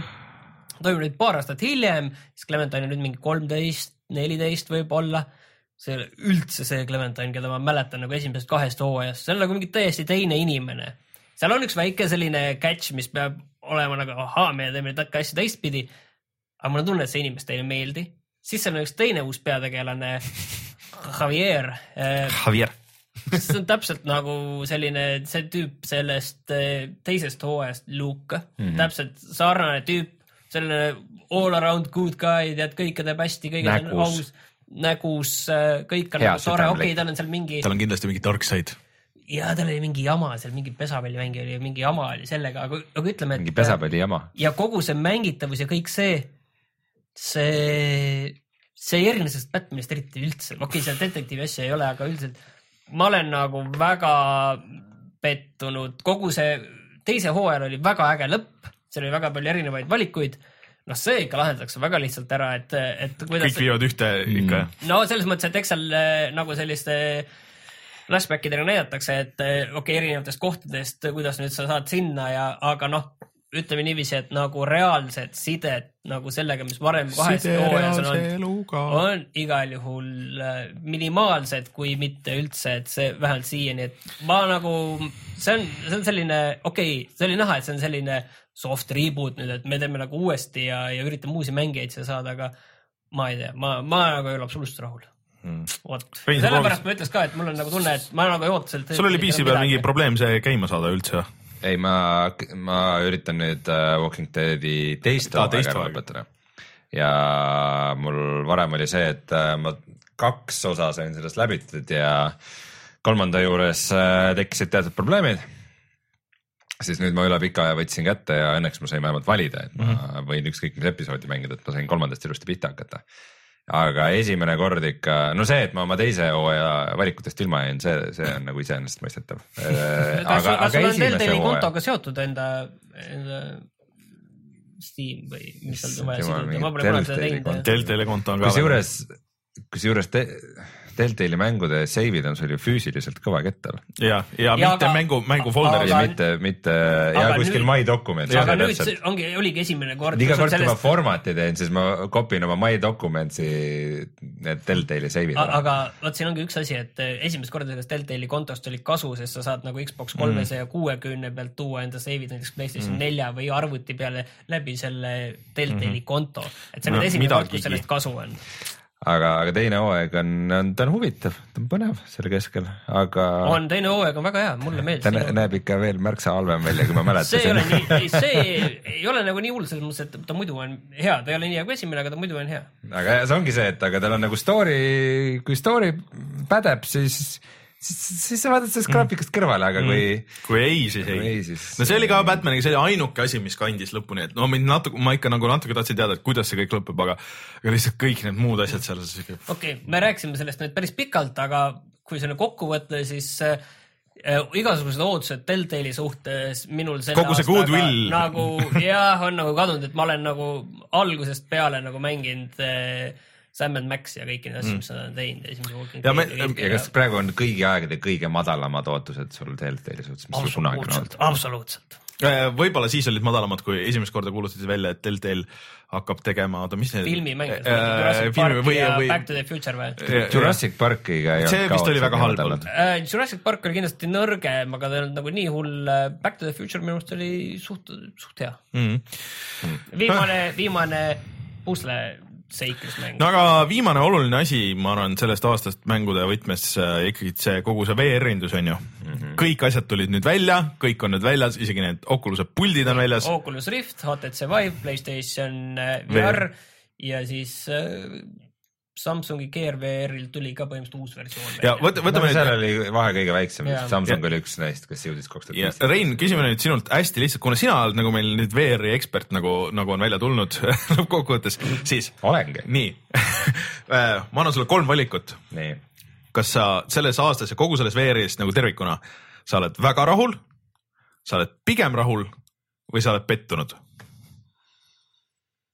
Ja vaadates ootusi äh, selle aasta algusest. mida ma hindama peaks, neid mänge, mis tulid nagu tervikuna või... see kogu sinu üldmulje kõigist sellest, kogu sellest VR-i teemast kokku selle aasta jooksul?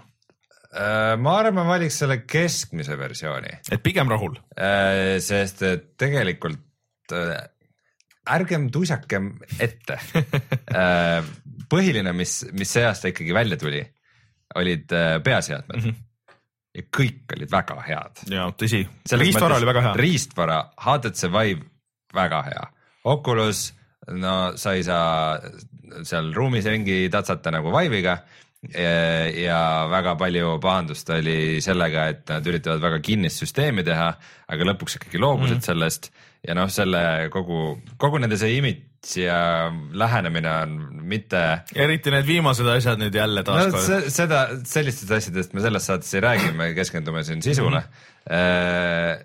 siis nagu vaat no see on lihtsalt lähenemise küsimus, nad üritavad Apple olla ja aga, aga nagu high-end äh, mängu riistvaraga see ei mm. tööta väga.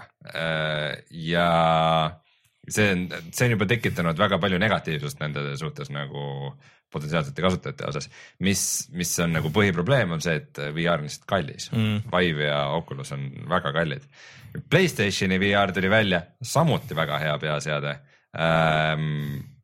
aga see sisu seal on nagu niuke nii ja naa, põhimõtteliselt nagu selles mõttes äh, VR-i sisu on täiesti lapsekingades mm., ta on nagu, nagu beebikingades äh,. Sony... aga kas sa siis peaksid sellist konkreetset seadet nagu müüma, kui sul reaalselt seda sisu ei ole või sa paratamatult pead aga see on kõigi asjadega tegelikult. seda, selles mõttes seda sisu ikkagi on nagu, et kui sa vaatad neid Playstationi asju, siis no seal neid igasuguseid demosid ja asju ja võib-olla ei paku väga pikaajalist elamust, aga seal ikka nagu teha on ja ma arvan, et väga palju väga head VR sisu on nagu nurga taga mm, -hmm. et nagu tulemas, et kui kuulata mingisuguseid connected talk'e, siis äh, paljud asjad, paljud nagu, nagu seal suurkujud ütlevad, et neil on lihtsalt nii palju asju nagu tulemas, samuti Valve'il endal mm on mingisugune VR-i mäng tulemas, aga millal see, see valmis saab, seda ei tea loomulikult aga, keegi. aga kas see rohkem pole see asi, et nad peavadki sellist juttu nagu preach ima, et äh, meil tuleb ja kõik on hea, et see maalima pilti sellisest väga kenast tulevikust, kus meil tulevad välja fantastilised mängud. ei, nad ei pea seda selles mõttes maalima, et noh, see Valve'i äh, Steam Dev Days see oli ju täiesti ilma pressita üritus, see oli ainult mänguarendajatele ja seal noh, lihtsalt see, millest nad nagu nii-öelda omavahel rääkisid täiesti lihtsalt. no aga seal peabki, Valve peabki nagu neile pähe müüma seda ideed, et meil see HTC Vive, meil see seade on fantastiline tulevik, et tulge, et need on tegelikult ju arendajate no, äramoosimisüritused. võib-olla, aga lihtsalt äh, minu põhisõnum kogu VR-i osas on see, et vältige loosungeid ähm, just see, et mingi, et VR töötab ainult sellega, ainult siis. Eh, VR läheb tööle siis, kui seal on piisavalt pornot või mida iganes, see nagu mitte keegi ei tea praegu, mis VR-iga juhtub, kas see jääb püsima või ei jää, kas see muutub mingiks nišikaks, kas see on varsti igas kodus, mitte keegi absoluutselt mitte keegi, ükskõik kui, kui kursis sa kõige toimuvaga oled, keegi ei suuda seda praegu ette ennustada. Mm.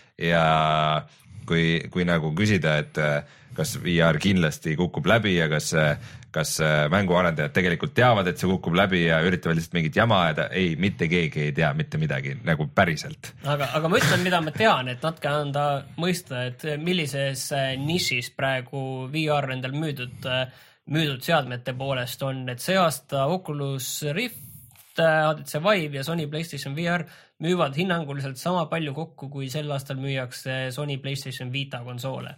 et see mm. annab nagu mingi sellise aimu, et kus kohas see praegu see nišš asub. et see, mis, mis suurusjärk see number on umbes? paar miljonit mm.. Vita siis müüakse paar miljonit või? ja Vita on selles mõttes ei ole nagu. no aasta jooksul kaks tuleb ära, onju, aga mm. umbes sinnakanti tuleb. no aga see ainult saab tõusta et järgmisena oota, 3D, 3D Cinema äkki Wii U-ni jõuab aga välja. küsimus on lihtsalt ei, no, selles. PSVR tegelikult müüs väga hästi, seda lihtsalt ei ole saadaval. aga küsimus on vaata lihtsalt selles, et kui nüüd piisavalt kiiresti ei saada piisavalt suurt hulka kasutajaid, siis lihtsalt kaob arendajatel ära motivatsioon nagu arendada, kui sa ei saa noh, ütleme jah, et siin neljakümne või kuuekümnega, isegi sa ei saa kahekümne euroga neid mänge müüa niiviisi, et sa need suured arenduskulud nagu tasa teeksid mm, -hmm. siis lihtsalt see arendajate huvi lihtsalt kaob ära ja okei okay,, suva, teeme nüüd suvalise kahekangi tulistamise, vähemalt teenime sellega raha. aga Rein äh,, äh seda vist ma, me ei ole siin rääkinud ja ei ole enne küsinud su käest, et mis äh, kogu VR-induses äh, sinu jaoks kõige suurem pettumus oli selle aasta jooksul mm.? Kui sa vaatad taaskord tagasi aasta algusele ja mida sa ootasid kõigilt nendelt asjadelt?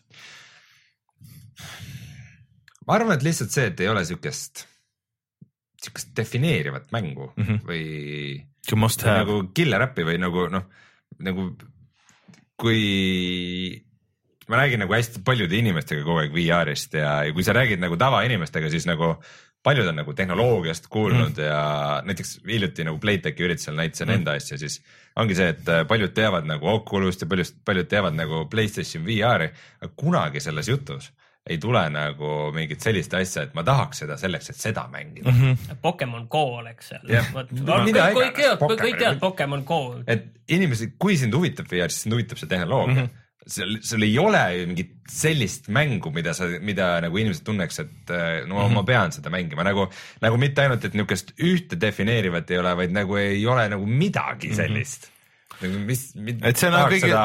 mingit BSVR-i heisti mängida või?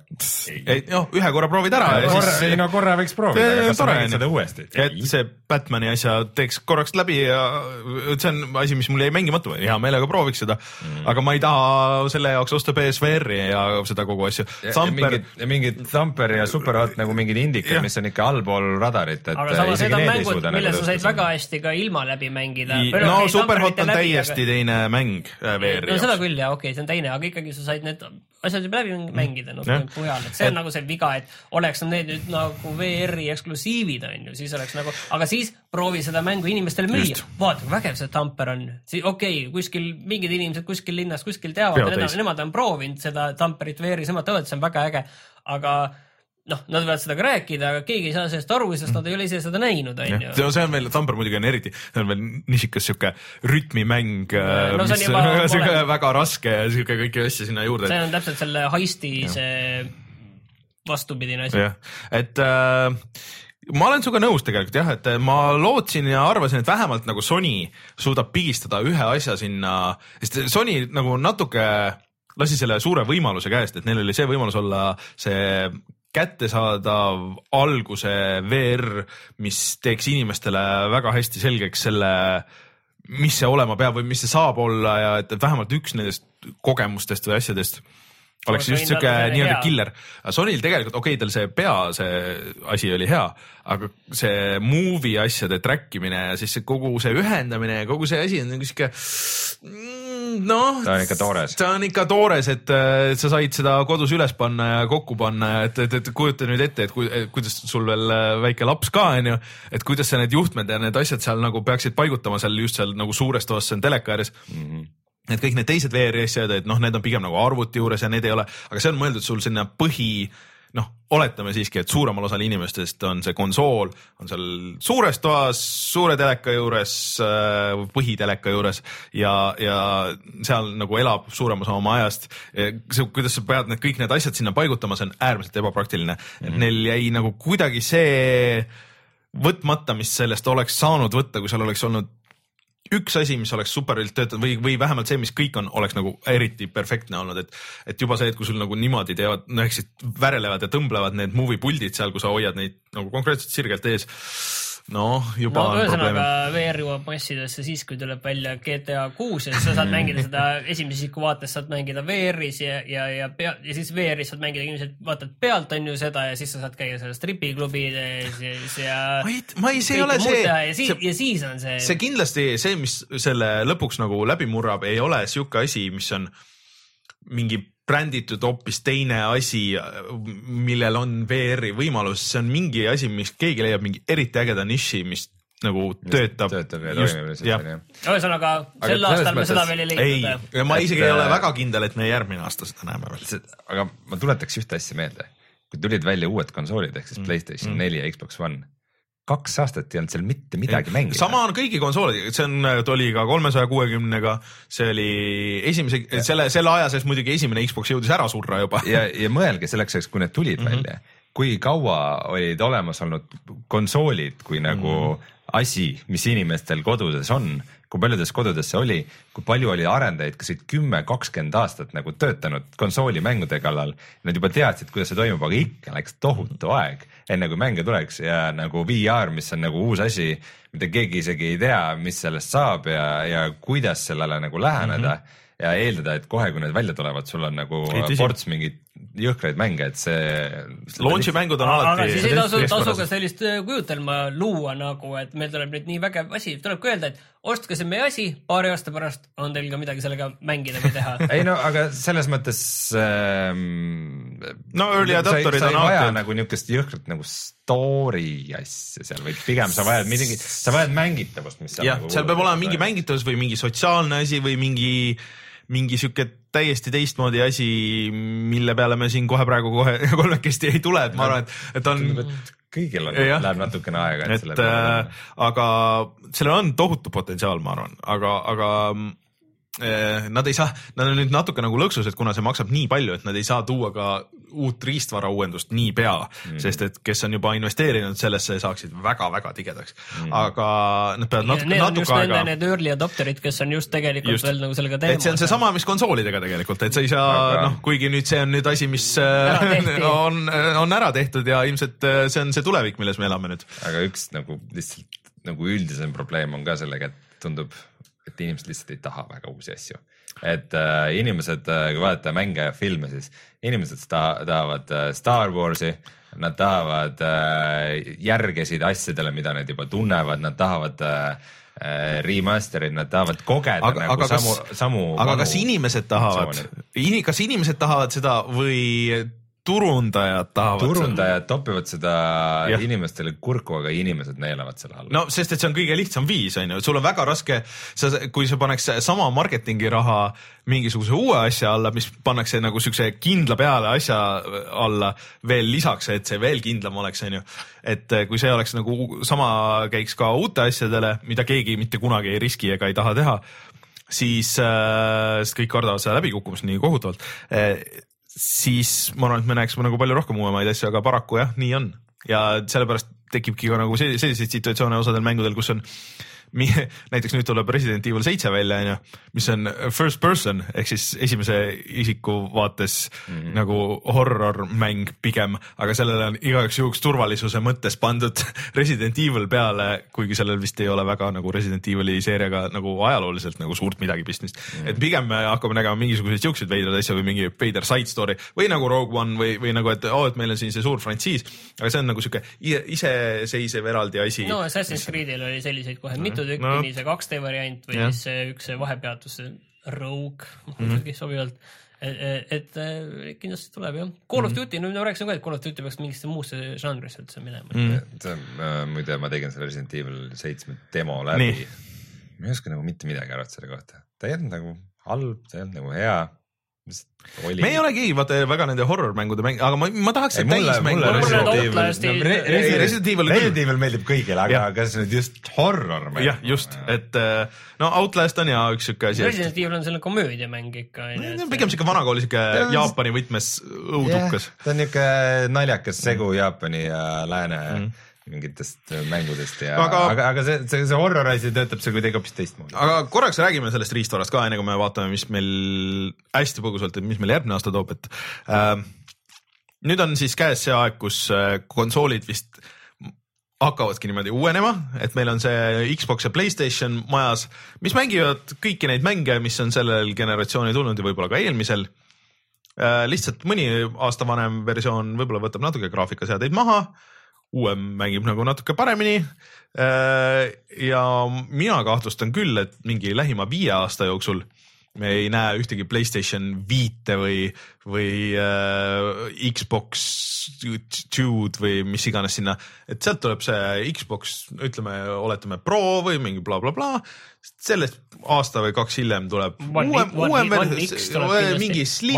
Oh, One X, ma arvangi, et One X. One X on, on päris hea nimi. projekt Scorpion nimi on One X One X on päris hea pakkumine tegelikult sellele, äh, et Vabalt et uh, One X, Two X, mis iganes, et kõik mängivad neid mänge, mõned mängivad nagu vähe paremini, mingi rohkem nagu või, võimalusi uh, tuleb sellest võib, saab ka slim variant mingi hetk tule, Xbox äh, või Playstation neli Pro Slim, aga siis samas on ka see Pro variant, uus Pro variant, mis on veel võimsam kui see praegune Pro variant. ehk siis, et läheb natuke keerulisemaks, keerulisemaks, aga, aga inimesed, inimesed on harjunud äh, ostma telefone juba niimoodi, sa ostadki uue Galaxy, sa ostad uue iPhone'i, sa tead, et see on võimsam, sa ei peagi nagu väga palju mõtlema sellega, et äh, sa tead, et noh, tegelikult sa võid nagu kasutatuna selle vanaga osta, see mängib kõiki neid samu asju, aga et noh, võib-olla nagu siin-seal nagu. kõik su kontaktid ja asjad tulevad üle. jah, jah, et mingi hetk uuendad nagu selle uue peale või, või et nagu, et äh, see on mõnes mõttes hea, sest et äh, siis kaob see kogu see, seesama probleem kaob ära, mis on iga generatsiooni alguses tuleb uus generatsioon, vanad mängud ei tööta, uued mäng, uusi mänge veel pole, need, mis tulevad, on siuksed keskpärased, mingi hästi kiiruga tehtud mingi shovelware või pordid või, või HD remaster'id Äh, HD remaster'ite point kaob, siis üldse nagu natuke ära mõnes mõttes võib-olla. vähemalt mingiks ajaks. ja vähemalt mingiks ajaks. kaevatakse, see on siis, kui see PlayStation siis saab teha neid äh, Game of the Year variante, kus on kõik asjad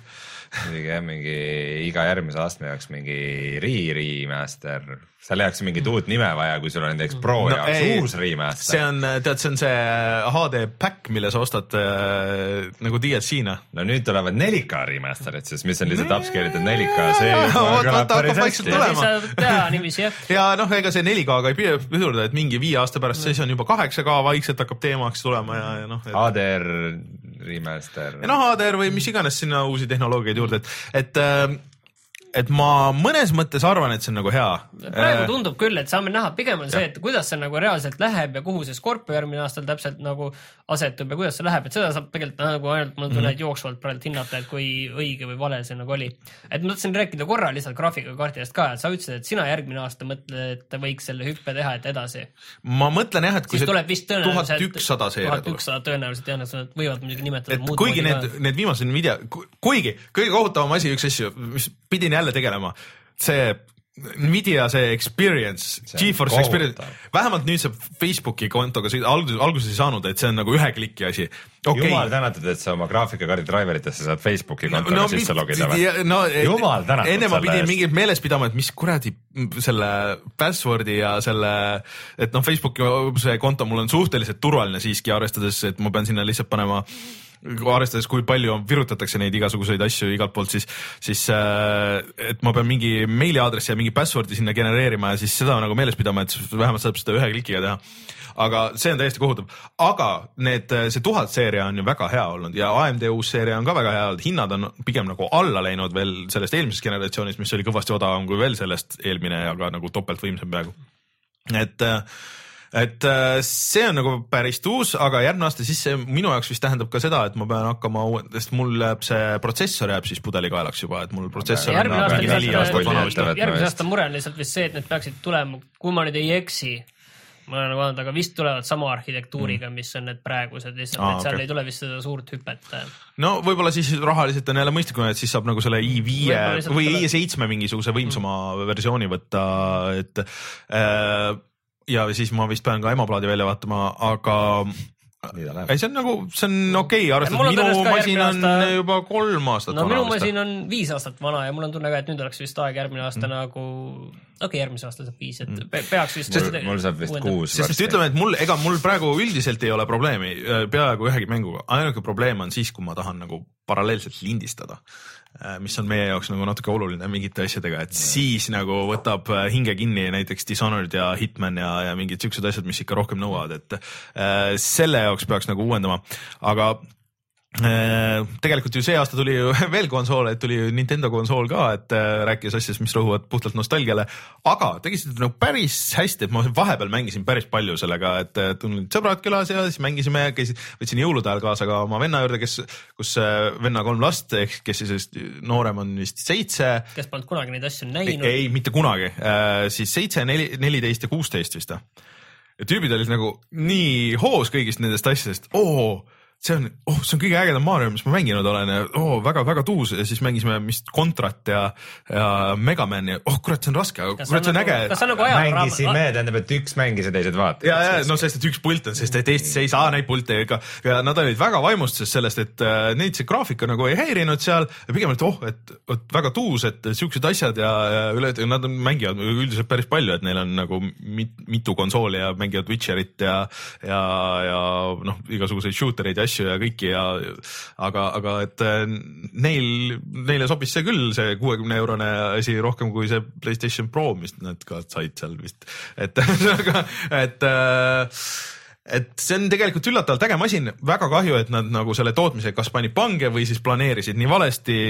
või siis, siis meelega. või siis meelega, aga neid meelega, neid ei ole siiamaani, neid noh, kui oleks meelega, siis vahetult enne jõule oleks oh, müstilisel kombel ilmunud välja hästi palju igal, aga seda ei juhtunud ja see näitab seda, et see on mingi, mingi probleem, et kas nad ei näinud ette, et see on nii populaarne või siis äh, oli mingisugune tootmisprobleem nagu konkreetselt. ja, ja siis muidugi Nintendo uus suurkonsool tuleb äh, kohe -hmm. järgmine aasta märtsis ja eks siis sellest äh, saab teada Eesti, Eesti aja järgi vist oli kolmeteistkümnendal jaanuaril mm.. aga nüüd ongi paras vaadata vist järgmisse aastasse, et no, või väga, äkki väga teeksime lühidalt. oma aasta kokkuvõtte. ma tahtsin ühest lõpuks. asjast veel rääkida enne no. veel ära, et mis aasta kaarega nagu tagasi jõuda, et järgmisest aastast räägime, järgmise aasta algusest on suure saate, kus me räägime järgmisest ja. aastast, muidu me lähme hommikuni välja siin, aga lihtsalt see, et äh, minu meelest nagu see aasta on nagu kõige suurem see rabelemine olnud äh, sellega, et äh, uued mängud tulevad välja, siis väga kiiresti, kui kohe alguses ei müü siis pannakse väga ruttu nad äh, kohe kolmkümmend kolm protsenti, viiskümmend protsenti alla.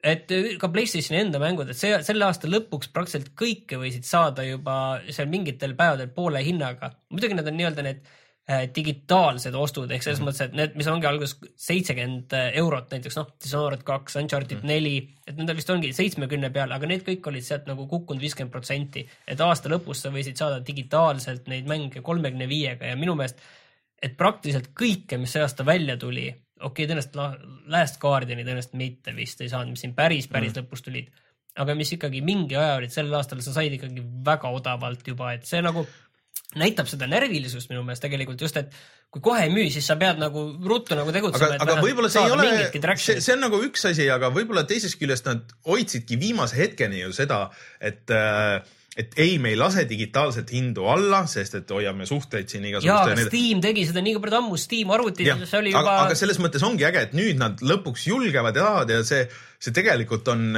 meie kui tarbijate jaoks, see on suurepärane, ma siin jätkuvalt. mul on väike mure, et kas see nagu pikas plaanis äkki on, kas siin on mingi oht ka näiteks? kuule, see on neile ju tegelikult tasuta müük, et see on, kui. kohe paljud... ei osteta, okei okay,, siis jah, et. jah, et see on pigem, see on nad teevad kolm müüki ühe müügi asemel tegelikult, et ma arvan, et nad lõppkokkuvõttes võidavad, pluss see on täiesti äh, nende jaoks puhas võit, nad ei pea seda diski ship ima ega midagi ja äh, kaotavad ka selle potentsiaali sellelt kasutatud mängu müügilt. et et selles mõttes tegelikult konsoolitootjad võidavad igatpidi sellest. ja üks oluline, nagu minu meelest väga oluline näitaja on alati olnud see, et mis hinnaga näiteks äh, Steam'i selles aasta lõpu müügis on Call of Duty uus. ehk siis see, mis tuli novembris välja, see on Steam'is praegu miinus kolmkümmend neli protsenti. no praegu on jõulumik. nelikümmend eurot. aga see on ilma. see on ilma selle. ilma remaster'ita. jah aga, aga tavaliselt see ei tule ka nii palju no, selleks ajaks alla. no see oli ju kuu aega hiljem oli kolmkümmend eurot, aga selles Microsofti poes mis oli lugus.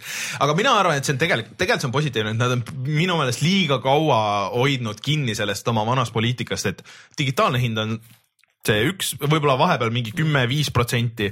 Äh, see, et tehakse nii julgelt allahindusi, andku tulla. no oligi, Playstationis oli see detsembris oli see kahe aeg. päeva kohta oli vist see nagu, et sa said ühel või kahel päeval seda mängu osta, aga oli ka viiskümmend protsenti alla oligi no., mis meil praegu öeldakse, paned Watch Dogs kaks, Titanfall kaks, Dishonored praegu on aasta äh, lõpuni müük, seal oli, ma vaatasin uh,, Until Dawn oli kus kuusteist eurot või seitseteist või uh, naela ja, ja, ja et uh, igasuguseid asju on seal. ei julge enam kunagi elus midagi osta, sest kohe läheb odavamaks. ei, vot siin on see asi, et vaata, paljud tegelikult tahavad sellel lainel nagu kohe olla, et ja. eriti multiplayer shooter itega üks asi on see ja teine asi on see, et noh, kui need on mingid väga nagu loopõhised asjad, näiteks kasvõi see Last Guardian, siis nad tahavad nagu kohe alguses seal kohal olla, kui see nagu juhtub nagu, et et kui eriti, kui sa tahad veel kuskil sellest internetis veel rääkida pärast või arvamust avaldada, et siis sa ei ole see tüüp, mhm. kes teiste käest saab teada saab, kuidas selles asjas olid, et, et mingil määral see variant, et noh, et sa tahad filmi kohe näha, lähed Star Warsi, lähed nagu kohe vaatama, mitte et noh, suva, ma saan üheksa kuu pärast ka minna selle kuradi ma Netflixist võiks kõik kuskohast vaadata, onju, et mm. et need, kes nagu alguses tahavad, see, see jääb alati sama. tahavad teemas olla sees. ja, et see, oled seal kohe olemas, aga okei okay äh, ja noh, lihtsalt korraks vaatame selle järgmise aasta ära, siis, siis no, meil on terve, me terve, meil on terve saate lõpp on siis aega rääkida. ühe lausega. mina ootan väga Switchi äh,, aga Nintendo'l on nii palju asju, võimalusi see kõik ära rikkuda või siis neil on väga palju võimalusi võita. kõik sõltub väga palju sellest, mis on selle seadme hind kui selle hind jääb mingisugusesse mõistlikku piiresse. mis see mõistlik piir on siis? no see jutt, mis vahepeal oli, et see jääks kuskile sinna kahesaja ringi või noh, võib-olla kakssada nelikümmend, äh, kakssada viiskümmend eurot. no paneme kohe kakssada viiskümmend. Äh, kakssada naela kuskil sealkandis, siis sellel asjal on, äh, ma arvan, potentsiaali kui see on sellest rohkem, et siis läheb keeruliseks, et äh, kui ta on ikkagi selle noh, kõik käsikonsoolid ju Vita maksab umbes no, vist kakssada viis või noh, no nüüd on odavam, aga, aga äh, 3DS kui välja tuli, oli kuskil sealkandis ja no võib-olla natuke odavam, et äh, kui ta jääks nagu sinna vahepeale ja mis nad teevad nende vanade digitaalsete asjadega, kas need kanduvad üle või ei kandu no,? natuke kahtlustan, et ei kandu, sest et Nintendo, aga no mine tea ähm, kui nad suudaks hinna hoida madalal, kanda need digitaalsed ostud üle, võib-olla mõnest asjast teha siukse remaster'i variandi ka, et kui sa oled selle kuidagi diskiga seotud oma selle kontoga, et sa saad, siis sellel võib olla edu aga. millest sa järgmine saade räägid, sedasama teksti uuesti või? ei siis me, siis, siis me juba teame, järgmine saade me juba teame. ei, ei tea kahjuks sellepärast, et meil Aa. järgmine saade on kaheteistkümnendal okay. ja kolmeteistkümnenda öösel. et äh, aga, aga see on, äh, ütleme, ma lõpetan kohe siia ära, et äh, see on see, mida mina järgmisest aastast kõige rohkem ootan väga veidral kombel äh, kuigi mänge on nagu lükatud küll eelmise või järgmisse aastasse, aga ma isegi nagu praegu kohe ei tule meelde midagi siukest suurt, mida ma hullult ootasin. no kaks suurt asja on kindel, mis ei tule järg-, tähendab, üks on kindel, et ei tule ja teine, ma arvan, et ei tule, siis üks on siis The Last of Us, mis kindlasti ei tule järgmine aasta. ja mul on tunne, et ka see Red Dead Redemption kaks pigem ei saa valmis järgmine aasta kuigi ta on välja lubatud ju järgmiseks mm. sügiseks. no, et Rockstar alati lükkab edasi. pool aastat edasi lükata nende jaoks pole mm. midagi mm. -hmm. aga, aga lihtsalt öelda üks asi, mida ma ootan, siis eh, Sony võiks julgeda, eriti selle Switchi valguses, teha Vita kahe et, eh, et seal pole palju sellesse. vaja, tõmmake parem prose sisse ja, ja ekraan isegi nii... HD peale ja Sony on äh, viimasel ajal nii jõuliselt nagu läinud välja üldse nagu riistvara business'ist nagu üleüldse, aga. Playstation neli riistvara on parim no, asi, mis neil üldse no, müüb peale PSN-i äh, raha, mis sealt tuleb. äkki teevad Vita, Vita telefoni. aga lihtsalt, lihtsalt nad saaksid samamoodi noh, lihtsalt see oleks samamoodi see sidekick, mis mm. oleks PS4 Vita reliisid, lihtsalt oleks lihtsam teha neid Vita asju. ma, ma kahtlustan, et seda ma ei juhtu. ma kahtlustan ka, aga noh, ütleme, et äkki.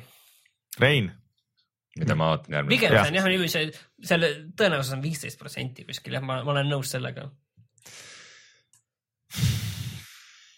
see entusiasm ma ei tea, ma mm, ma ootan, ma ootan, ma ootan mingisuguse sisu ja pikaajalisega head mängu, mis, mida ma viitsiks, mida ma viitsiks nagu see Cyberpunk kaks tuhat seitsekümmend seitse ka ei tule. Oh, see, see tuleb millalgi aastal kaks tuhat kakskümmend. seda ei tule niipea välja. ma ei teagi, mida ma ootan, ma ootan kindlasti, aga mida ma kindlasti ei oota, on järjekordne filmilik äh, mäng, äh, kus äh, sinu, sind lihtsalt paisatakse story'ga ja kus see nagu mängitavus kui selline on nii tahaplaanile jäänud ja ma olen seda juba liiga palju näinud ja. nagu Deltale jah Need Deltailil on see nagu nende thing, aga, aga nagu ütle... tavalisel konsoolimängul mm. ongi see, et äh, nad väidavad, et nad on mängud, aga tegelikult ei mm. ole. tõsi äh,. aga. ma ootan häid mehaanikaid, ma ootan, ma ootan mängu südant, mis, mis, mis mind kõnetab siis on ainult Rocket League aga lähme top kolme juurde. ja ma vaatan VR-i poole selles osas, et äh, nad tooksid midagi uut. nii, mul on teile nüüd, äh, te, see on täiesti üllatus no., aga ma olin vahepeal väga tubli no,. Äh, me peame natuke paika panema, et mis järjekorras me neid teeme, kes, kes esimesena, teisena, kolmandana oma topid loevad. noh, ma võin alustada, ega siin pole midagi. teeme siis äh, Martin, Rein ja, ja mina, loetame mm. kõik oma top kolme jätke siis mulle pause. aga, aga mis sa tahad, ma lihtsalt loeksin? Äh, ei, ei. räägiksin. ühesõnaga nüüd kutsume seda sektsiooni, kui puhata mängida aasta kaks tuhat kuusteist top.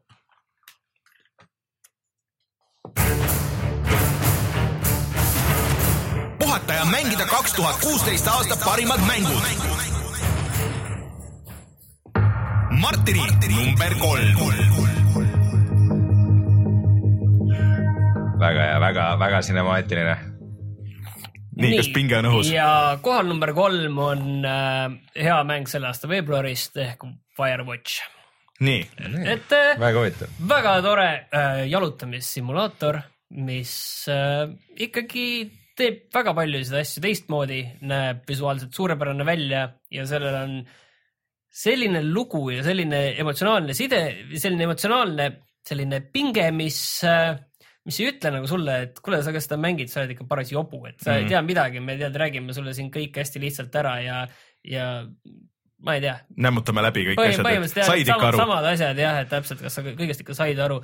et see oli väga hästi tehtud, ta oli muidugi lühike mm, -hmm. et äh, jah, okei okay,, see oli nende esimene mäng, aga see oli midagi teistmoodi ja ma põhimõtteliselt tegin selle läbi vist ühe õhtuga isegi kõik täiesti algusest peale, et oli võib-olla, palju neid tunde või seal neli äkki tuli kokku? midagi sellist. sellist jah, et mulle ikka väga meeldis, selline põhimõtteliselt kaks tegelast anti nende omavaheline dialoog ja, ja kandis nagu välja need neli tundi mulle no,, mulle väga meeldis. see oli kõige üllatavam, et ta kandiski nagu, et noh, ta ei oleks ilmselt pikemat lugu kandnud mm.. kurat, minu jaoks ei kandnud. minu jaoks nagu jälle nagu kandis, et. Äh, see oli see, et üks hetk sa saad aru, et nagu seal mängus lihtsalt ei tule nagu jälle neid mehaanikaid, neid uusi mehaanikaid ei tule. see ei ole, et kõige, kõige hullem, mis nagu sinuga saab, mul kadus mingi ohutunne ära, kui ma saan aru, et kõige hullem asi, mis sinuga saab juhtuda, on see, et sinu tegelane pettub või ja sa saad aru, see ohutunne kaob sul natuke võib-olla tõesti sellepärast ära, et vaata, sul pole seda äh, sa, sa tead, et siin pole inimeste ega mingite koletiste või mingite kurjemite tekstuure ja animatsioone, neid asju siin ei ole. ja mängus ei olegi lihtsalt. ja, et sa tead, et siin on ainult see loodus põhimõtteliselt, okei okay,, seal kuskil kaugel olid mingid inimesed ja sa võid mingit laipa näha mm. -hmm. et see on nagu selles mõttes nagu kõik jah, sa saad sellest aru. aga, aga kuna, ma väga aga... ei mõelnud selle peale sellel hetkel, kui ma seda mängisin, sest siis ma olin piisavalt sellega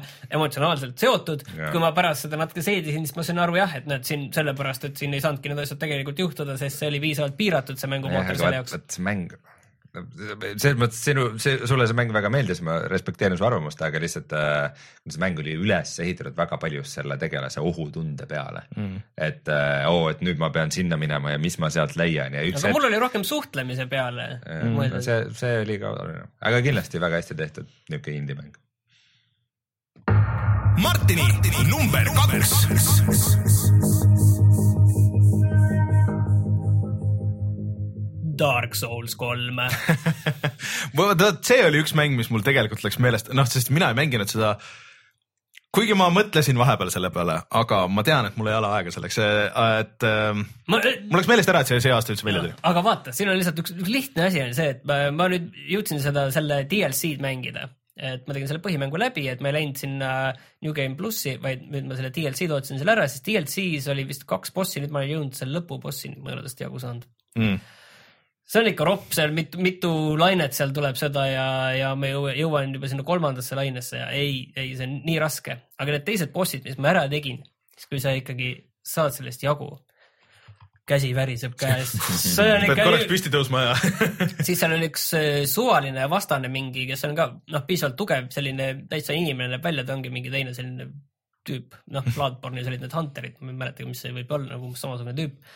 ja ja siis selle ma võitsin ära nii, et eluriba jäi mul järele mingi sentimeeter sinna, viimased kõik need flaskid ja kõik läksid ära ja see oli nagu nii pingeline, et nagu no ikka mitte mingit muud asja polnud olemas sel hetkel, kui see Dark Soulsi see võitlus käis, et selles mõttes nagu ma olen nagu väga uhke, et ma olen nagu läbi teinud selles mõttes, et kui Dark, kogu see Soulsi seeria tuli, siis ma absoluutselt ei arvanudki, et ma seda kunagi võiks mängida, veel vähem rääkida, rääkima sellest, et läbi teha. Ja nüüd see Dark Souls kaks oleks vaja ikka üks hetk ette võtta. See, ma peaks sulle näitama millalgi videot, kuidas ma Dark Souls kolme lõpubossi võitsin, kus kus mul olid estusflaskide otsas ja mul oli mingi millimeetrine eluriba ja siis läks boss umbes teise faasi või midagi sellist ja, ja ma pärast, kuna ma salvestasin selle, siis ma pärast olen seda mitu korda vaadanud ja mul pole õrna aimugi, kuidas ma selle ära tegin, see ei ole nagu loogiline, seal ei ole mingit ilusat rütmi ega midagi, ma kuidagi lihtsalt sain sellest lõpuks läbi peale ma ei tea mitmendat üritamist. olid in the zone. aga mul lihtsalt, ma ei tea, millegagi vedas ka. see teine, teine tüüp, kes oli see äh, kas sa mõtled päris lõpubossi või sa mõtled seda, mis enne oli? ma mõtlesin praegu lõpubossi, mitte siis DLC-l, vaid põhimängu lõpubossi ja siis äh, teine on see, kellel tulevad need kloonid pärast appi yeah., mis iganes ta nimi oli, see oli ikka, need ikka jäävad meelde jah.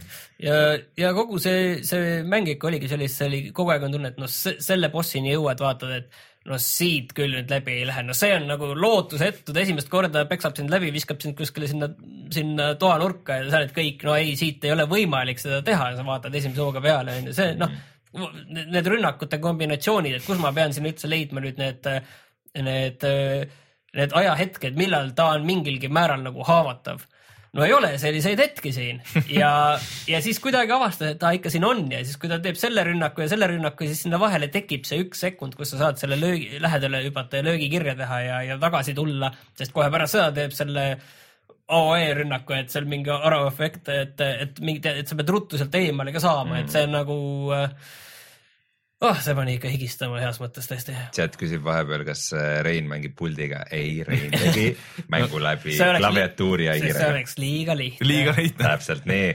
mängid ikka varvastega ka nagu osad tüübid. muidugi. Martini number üks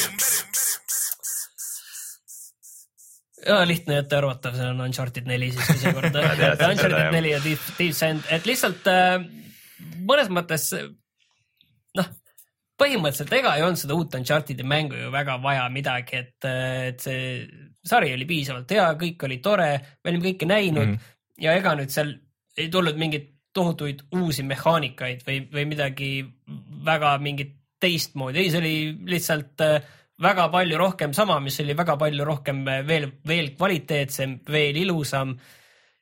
Ja no võib-olla isegi veel parema looga, et ta on noh, Uncharted kahega ma olen varem ka seda võrrelnud, et ta on võib-olla fifty-fifty selle loo koha pealt, aga ikkagi ta on nagu see etalon, kui hästi ühte videomängu no, saab nagu tegelikult teha produktsiooni poole pealt sellist no on, filmilikku videomängu. jah, et ma tahtsin öelda, et see on see, mis Rein ütles, et, et seda sa järgmisest aastast ei taha, aga noh, kui üldse teha siis, siis see peab nii, olema et... vähemalt sama hea kui Uncharted neli, et kui mitte parem, et, et isegi seal nagu noh, mõnes kohas nagu need oleks võinud olla mingid kohad, mis olid mittemängitavad, et oleks võinud olla mängitavad ja nii edasi, et, et, et aga ta hoidis ikkagi seda levelit nagu lõpuni, et jah, et see, et see on nagu, ma saan aru, et see, ma saan, ma saan aru, et see on nagu väga selline turvaline valik esimeseks mm -hmm. kohaks.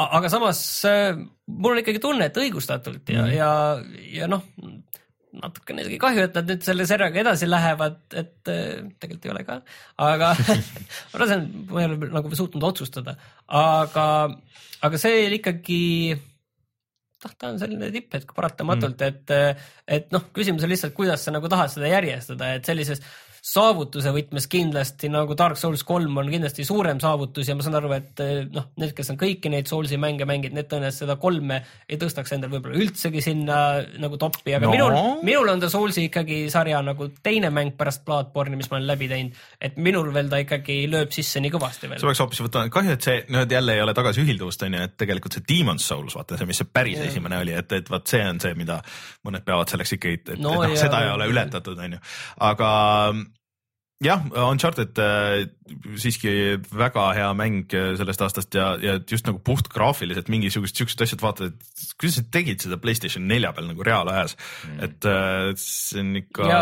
kogu mängitavus on niivõrd lihvitud, pluss mm. niivõrd palju noh, väikseid detaile, millele mm -hmm. mingites muudes mängudes absoluutselt ei pöörata tähelepanu, et kui klassikaline hetk oli, kus ma kuskilt sillalt kukkusin alla ja läksin kaarega tagasi ja, ja siis selle kohta oli ka veel seal Nathan Drake'il mingi mm. nalivaruks, et oh, niiviisi, et noh see nagu tundus üldse asi, mille peale nagu noh, tavaliselt mängudes ei mõelda, et kui on lineaarne tee sul üldiselt noh, isegi see oli suhteliselt avatud võrreldes mm -hmm. varasematega, aga lineaarne tee, siis sa jõuad mingisse, mingisse kohta, siis äh, okei okay,, aktiveeritakse nüüd see nali, mida tegelane ütleb mm. -hmm. aga see on niiviisi, et noh, mis ei, ei olnud nagu, oli nagu ebatõenäoline teekond, mis ma ette võtsin ja selle kohta oli nali selle kohta, et näed, miks sa tegid selle ebatõenäolise asja. üks, üks nali, mis mul meelde tuli, mis äh, kukkus kuidagi eriti hästi välja, oli see, et äh, Nathan ja ta vend äh, otsisid mingit tuba läbi. ja siis äh, vend katsub mingit ukselinki, ütleb lukus. aga noh, kui sa otsid tuba läbi, siis sa vaatad kõiki kohti, mida mm. sa saad vajutada, eks.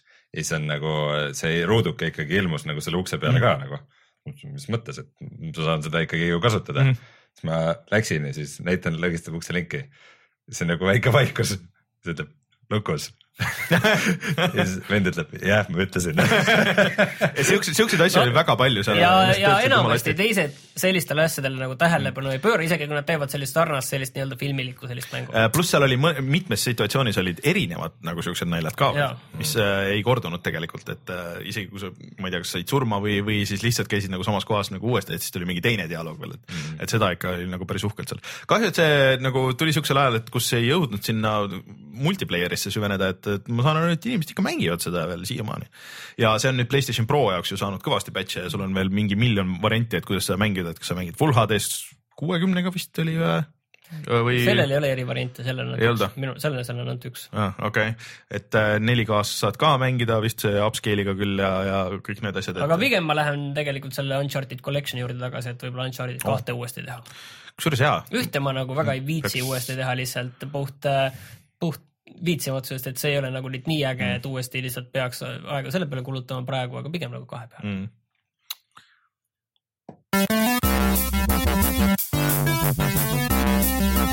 erikategooria. nii, mis sinu erikategooria on? Äh, kõige ebatõenäolisem mäng, mida ma sel aastal väga nautisin, on äh, Doom. et ma olen seda terve jõulude aja mänginud, nagu alati mängudel on väga hästi mingid oma ajad, kuhu nad väga hästi sobivad, Doom sobib väga hästi jõuludesse mm. -hmm. ja jah, mul ei ole see veel päris läbi, aga ma olen täiesti kindel, et äh, see on nagu seda väärt, sest ma olen seda juba nii palju nautinud. ja ma, ei no räägi, räägi. jah, et äh, muidugi ma ei ole seda mitmikmängu mänginud üldse. ma olen mänginud ainult seda kampaaniat, ma olen päris kaugel juba. PlayStation neli Pro peal seal on see asi, et ikkagi pop-in'i on seal natukene mingites kohtades ja okei okay,, see veits häirib, see on nagu probleem. aga kogu see action on nagu üllatavalt hea ikkagi, see on nagu ikkagi, ma olen ikka väga-väga üllatunud pigem ikkagi positiivselt. et ta pigem nagu minu meelest ei ole nagu tuum isegi, ta on pigem nagu Quake äh, tuumi skin idega, et see oli isegi selles mõttes, see on tuumi asjad isegi, see mm. -hmm quad damage. Quake'i asjad jah, Quake, Quake'i asjad, et see, see on ju Quake'ist otse ja kogu liikumine ja kõik on Quake mm.. Ja see on ikka tohutu keksimine, mis sa seal mm. teed, sest ma mängin seda no kõige raskem raskusest, kolm raskusest lahti mm, -hmm. mängin selle kõige raskemaga seda. kuidas sa saad seda puldiga mängida? see on veel ma eraldi mängin, väljakutse. ma mängin ar- seal äh, arvuti peal ka aga, aga ei, see saab väga hästi, ei, see ikka saab selles. mõttes see kogu noh ma ei ütle, et Doom on halb mäng, aga ma, mina ei leidnud sellest midagi nii erilist. aga see liikumine on küll, see on nagu täiega see Quake ja ma just Ja- ja, naudin seda, et ma nagu teen strafe jump'e ja cycle surfing'i, et nagu, nagu see, see see, see on ikkagi ehtne hiire ja klaveri mäng, see on nagu ainus mäng, ma saan puldiga väga hästi ja tegelikult peakski siukse salvestama, sealt tuleb ikka väga hulle kohti tuleb selles mõttes ja, ja muidugi noh, sa ei, Circle Strife'i selles mõttes, et Circle sa, sa, sa, sa teed kaheksaid või joonistad ikka mm. pigem teisi kujundeid sinna, et tavaliselt, kus need vastased tulevad nagu raskemad, seal tulevad nagu nende äh, lainetena, siis sa pead lihtsalt vaatama, et seal äh, noh, kes sul seal selja taga kogu aeg on, sest kindlasti kuskil seal on keegi selja taga ka ja siis sa pead pigem nagu kaheksaid proovima joonistama, joonistada. ja see on äh, minu meelest Doom nagu ka Titanfall on nagu see mäng, kus viimase nende paari aasta mängude võtmes, et äh, läheb nagu meelest ära, et need on siuksed mängud, kus sa ei tohi kunagi seisma jääda, sa pead kogu aeg liikuma mm,, olema liikumises ja, ja kogu aeg tulistama, kogu aeg otsima seda kohta, et kus sa kohe minna saad, sest et viimase aja ikka trend on see, et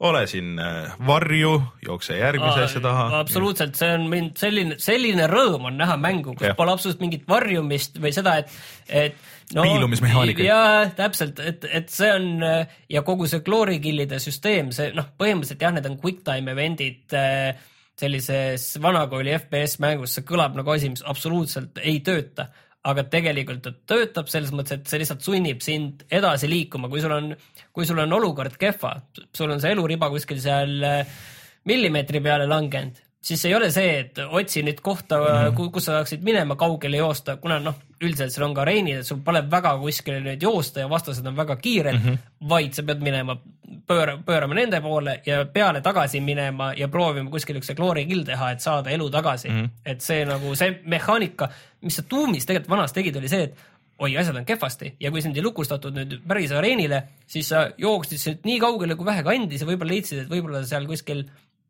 taseme alguses sul kuskil oli mingi elupakk äkki jäänud, et äkki tood nüüd, see on õige aeg nüüd see ära tuua mm. -hmm. ei, siin ei ole sellist asja, lihtsalt sa lähed tagasi ja ja mulle, mulle, mulle see tegelikult meeldib, et sa pead, ma sulle need glory kill'id väga ei meeldi, mulle just nagu meeldisid, et see, et, et see sunnib sind nagu minema sinna näk-, et kui sul võib-olla on, okei okay,, mul on elud nagu peaaegu otsas, vastas on kolm tüüpi. Äh,. ma pean minema, et mul ei ole nagu mingit muud varianti, kui ma pean lendama ühele nendest peale, siis sa pead valima, mõtlema, et okei okay,, et ilmselt selle kõige nõrgemale.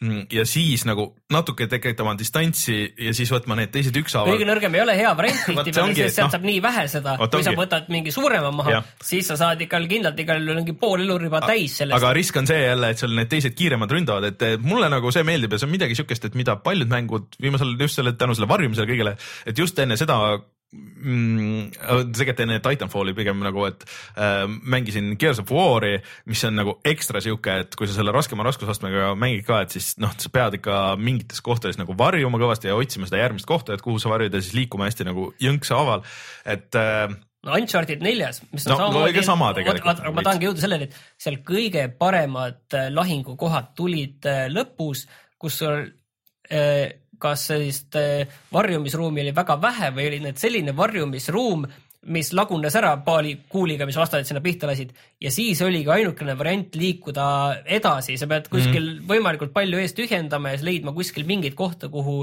kuhu varjuda, need kohad, noh, mis ma mängisin seal ka raskema raskusastmega mm., mitte kõige raskema, aga, aga selle nii-öelda neljandaga mm, -hmm. mis oli seal ka väga raske ja samamoodi mõnes mõttes nagu tuum, need lähevad selliseks pusle tulistamiseks, mitte niivõrd, niivõrd väga selliseks noh puhtalt reaktsioonikaks mm..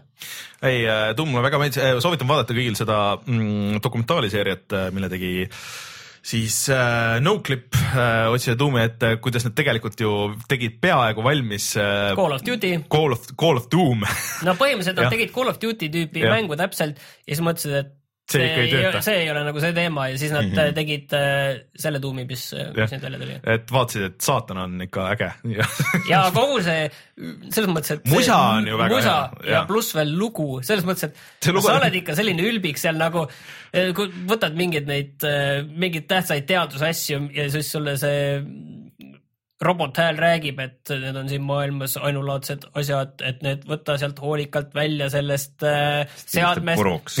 ei, jalaga lõi need puruks kõik, et äh, tõsta need hoolikalt sinna kõrvale, need on maailmas ainulaadsed, selle asemel see tüüp võtab välja, välja, toob jalaga puruks ja läheb minema, et äh, kogu jutt, mis talle räägitakse, ta täpselt ei kuule, kuigi noh, see lihtsalt annab sulle teada, mis sa pead tegema. mis seal alguses oli, et ta lõi esimese raadio puruks, mis talle andis käsklusi? mingi hästi sümboolne asi oli seal alguses. see, see, see tutorial, see, kus, et nüüd hakka sees ei, lõi kõik, lõi selle minema selle ekraani ja siis äh, see musaga on seal hull. lifti nupud ka. ja lift kõik puruks äh, tegelikult seal on mingid veidrad peidetud asju ka, et tegelikult, et kui sa saad need, seal on see info vaata kõikide nende kollide kohta, seda ma ei teadnudki enne, kui seal dokumentaalis, et kui sa kõik äh, et kas sa pead neid tapma piisavalt palju ja leidma mingisuguseid neid asju, et siis seal on nagu kaks levelit tegelikult selle info kohta, et üks on see nii-öelda ametlik nagu tutvustus, et see on see teema bla, bla, blablabla ja siis on see teised nagu sisemeilid, et oh my god, et kui sa seda, siis you are fucked nagu, et sa ei saa mitte midagi teha, et, et, et tüübid on ikka viitsinud kirjutada mingisugust tausta story't ka sinna.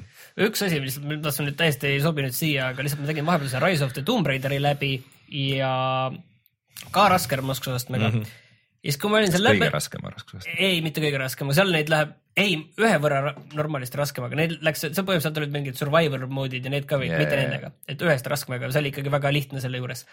et põhimõtteliselt easy mm, -hmm. aga siis ma avastasin, noh, sa saad vaata selle oskuseid onju mm -hmm. ja siis, kui ma olin mängu läbi teinud, siis mul tuli meelde, aa, siin pidid mingid kaardid ka olema õige, et millest sa said mingeid oskusi ja asju ja siis ma vaatasin, okei okay,, mul on mingi tohutult mingi raha ja asju kogunud, mille eest ma saan neid kaarte lahti lukustada ja siis ma vaatasin, klõpsisin natuke nende peal, vaatasin, vau, kõik need oskused, mis ma muidu siit välja teenisin, ma oleks saanud nende kaardinuppudega lihtsalt äh, klõpsin välja. aga ei, oota, kas need kaardid ei kehti ainult selles challenge mode'is ju?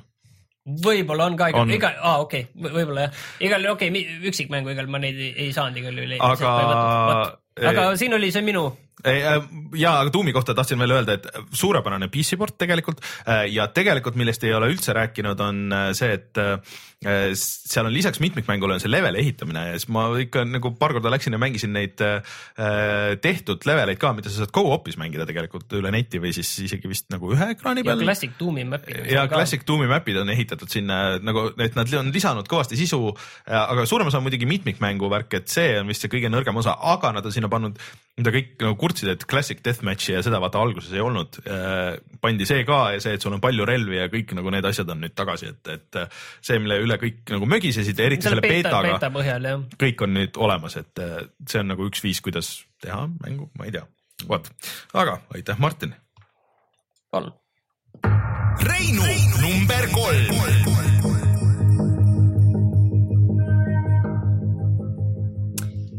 Uh, Uncharted neli on siis minu number kolm. Rein, põline PC mängur ja nüüd siis top kolmes aga tegelikult eelmine aasta oli ka või, või mis eelmine aasta? millal iganes Last of Us oli väljas, siis see oli kaks tuhat kolmteist. kas see oli mul isegi aastamäng või? võis olla, võis olla ei Naughty Dog ikka teab, mida nad teevad, nad ikka oskavad äh, ja no graafiliselt ikka võrdlemisi vapustav mäng.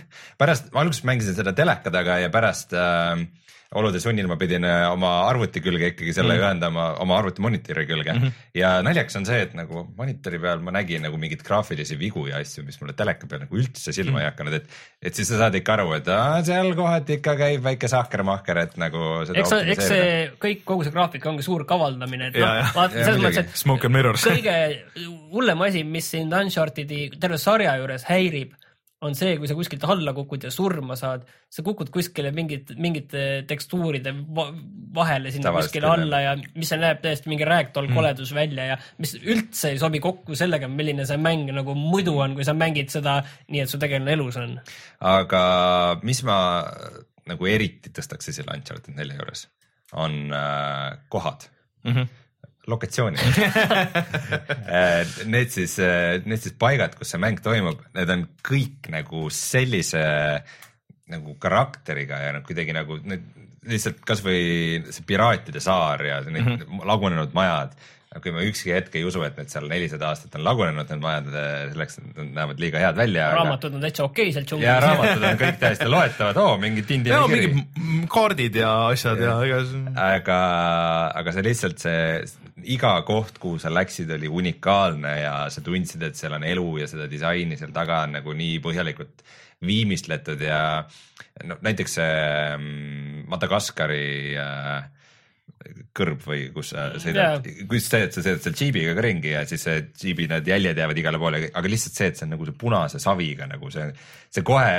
see eristub nii palju mingist niisugusest tavalisest mm. kõrbelevelist ja ta jääb nagu meelde ja ta on need kohad olid ikka superägedad. kuskil äh, vaatasin Neocafis vaatasin mingeid, äh, oli äh, see kaks tuhat kuusteist screenshot'ide teema mm -hmm. ja seal oli üks pilt, kus keegi oli pannud Uncharted nelja kuskil seal selles mingil Piraadisaare kuskil seal rannaliival ja kus sealt tulid jäljed, kuidas jälje sisse läks vesi ja kuidas sellelt oli tehtud peegeldus sellelt veelt päikesele, et kõigil, kõigil, noh, seal on ju pooled inimesed on arendajad, siis kõigil olid nagu suud lahti seal. Vau, et kas see võimalik on nagu täiesti tehtud niiviisi, et, et ja siis see mingi noh, muidu olid mingid tohutud ilupildid seal, aga siis see pilt enam-vähem kõik olid nagu selle pildi peale nagu pikali maas, et see on nagu parim pilt siin üldse, et need jalajäljed seal mm. -hmm.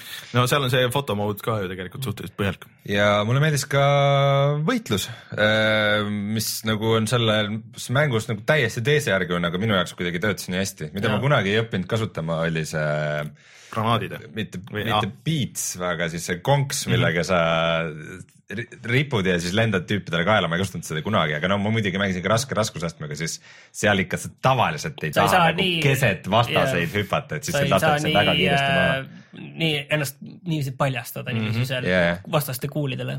aga, aga üldiselt see lahing, need vastased olid nagu tõesti väljakutset pakkuvad ja, ja mitmekülgsed ja okei okay,, relvad ei olnud võib-olla kõige ägedamad kohati, aga, aga noh, ühesõnaga see, see oli nagu mäng, mis oli lihtsalt oma tervikuna kuidagi nii hästi tehtud. kõige nõrgem asi minu jaoks seal oli tegelikult ikkagi lugu, et äh, kuigi see lugu oli hästi tehtud, siis see on jälle see, kus tekib see dissonants mm selle vahel, äh, kuidas sa näed nagu tegelase väga, väga nagu detailset ja personaalset isiklikku elu ja noh, näiteks siis äh, suhted äh, abikaasaga ja, ja siis noh, ja siis hüppad, hüppad, hüppad džunglis koos selle abikaasaga ja tapad äh, palgasõdureid no, no, vasakule ja paremale. mängu varem juba teinud. nojah, aga seal ikkagi see, see sa saad aru, et ikkagi natukene on selle story'ga üritatud nagu nõks liiga kaugele minna, et see oleks nagu selle ülejäänud mängitavuse võtmes äh, noh, see ikkagi aga see on nagu Indiana Jones, vaat seal on tapmine on okei okay. no,. aga jah, aga, aga noh, selles mõttes see oli kõik ikkagi väga kvaliteetselt tehtud ja noh, kõige paremini ta töötas ikkagi, kui seal olid suured need action set piece'id ja majad kukkusid kokku ja sa jooksid seal sees ja siis autoga olid kuskil konksuga rippusid äh, puude küljes ja vintsiga tõmbasid ennast üles ja vaatasid, kas jõuad. Ja loomulikult see soomusautoga tagaajamine, mis mm jubedasti meenutas Last of Us'i aga, aga see oli ikka kõik ikkagi väga hästi tehtud, et äh, üldkokkuvõttes ikka supermäng. aga Uncharted minu meelest üks väheseid mänge, mis teeb kõiki vaata neid asju, et sa napilt nagu peaaegu pääsed ja siis sul ongi see tunne, et oh, ma tegelikult ka nagu peaaegu nagu oleks jäänud sinna sisse või nagu napilt mm. pääsesin sellest, et seda on viimasel ajal teinud ju igasugused mängud alates Battlefieldist ja et majad kukuvad kokku ja siis on siuke noh, ja, ja kõige hullem oli peale seda mängida Gears of War'i mm. -hmm. ja, ja Gears of War'is oli jah, täpselt seesama jah. mis äh,, see on lihtsalt nagu. sul puudub see riskitunne nagu seal. ma ei räägi ühest spetsiifilisest asjast, see lihtsalt mm., ma mängisin Gears of War'i äh,, Mafia kolmesin ennast järgmi-, järgmisest ja järgmisest levelist läbi ja lihtsalt mõtlesin, et kuidas see nagu saab tulla samal aastal välja kui Uncharted neli nagu, ei ole ühtegi aspekti selle mängu juures, mis ei oleks nagu kordades ja kordades ja kordades halvem. et kuigi ja samas Gears of War neli ei ole halb ei olnud, ei olnud halb mäng. ta, ta, ta, ta ei ole hea mäng. keskpärane lihtsalt. ta oli nagu pädev mm, -hmm. aga lihtsalt äh,, lihtsalt kui tohutu kvaliteedi erinevus saab kahe mm -hmm. mängu vahel olla, et äh, mul on hea meel, et Uncharted neli on olemas ja mul on hea meel, et ma ta läbi tegin. Reinu, Reinu number kaks Dark Souls kolm ma oleks nagu rääkinud sellest mängust. meil on äh, üsna sarnased äh, listid Martiniga äh,. naljakas suhe on Dark Soulsiga, mulle ta ikkagi. mulle põhimõtteliselt ei meeldi nagu, see on kuidagi see, et ähm, see on ikka, see on nagu stress ikka seda mängida ja iga kord, kui ma mingi bossiga võitlen, kas ma siis jään, jään ellu või saan surma ikka on see, et nagu siis ma korra vaatan nagu toas ringi, aga keegi mind ei näinud, sest need näoilmed ja nagu liigutused, mida sa nagu teed sel ajal, kui, kui asjad nagu väga riskantseks lähevad, et, et ja just, mis nagu Dark Souls kolm teeb kuidagi kõige paremini, on see, et sa lähed mingisse uude ruumi sisse mm -hmm. ja isegi kui seal ei ole mitte midagi, kui seal lihtsalt ongi üks tühi ruum, kus sa lihtsalt saad mööda treppi edasi minna. see lihtsalt see tunne, et sa astud uude ruumi sisse on ikka oh. -oh okei okay,, ei, ma saan nüüd veidike edasi minna. et äh, see pidev ohutunne, millest ta sind hoiab, äh, see lisab nagu igale kohale sisu. ja sul on vaata, mida kaotada ka, sest ma just selles DLC-s ma jäin kuidagi väga lollilt mingi neljakümnest tuhandest sellest hingest jäin nagu ilma, et noh tänapäeva mängud ongi sellised, kasvõi seesama Uncharted neli on ju, kus see checkpoint on iga kahe minuti jooksul on ju, erinevalt näiteks ka Doom'ist, kus on mm. natuke pikemad vahed, aga selles on Dark Souls on see mäng, kus sa nagu reaalselt kaotad, kui sa nüüd äh, lähed sinna ruumi, seal on mingi vastane, selle eest kas pole võimalik põgeneda või, või pead, lähed võitlema ja kaotad, siis sul on konkreetselt see, mida sa kaotad ja sa pead järgmine kord täpselt sinna kohta jõudma, et see kätte saada, needsamad need äh, hinged, mis sinna maha mm, jäid, et mm., et sellepärast noh, see on üks suuri põhjuseid, miks sa oled niiviisi kogu aeg ikkagi kikivarul käid. aga samas ma ei, ma ei saa nüüd öelda, et ma, see Dark Souls kolm oleks teinud mind mingiks tohutuks Dark Soulsi mängude fänniks. mida, mida see teeb ikkagi kõige paremini minu jaoks, on atmosfäär, seal on see selline masendav äh,. pseudokooti sihuke. ja see koodi ja see stiil ja see kõik, see kuidagi, see on kuidagi nii mõnus ja see nii meeldib mulle.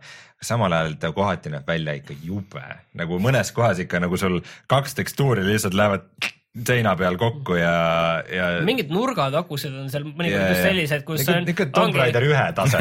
et sellised äh, kaks musta plaati on lihtsalt kokku visatud, et see need on majaseinad ja siin see teine plaat on üldse mägi siin kõrval ja. aga mis, mis te nüüd selle. ja samas, ja samas siis tuleb mingi järgmine boss, kes näeb nagu nii lahe välja ja liigub nii, nii nõtkelt ja ta efektid ja mingid äh, läbipaistvad loorid, mis seal küljes on ja lihtsalt sa vaatad, vau, kui ägedalt see kõik tehtud on.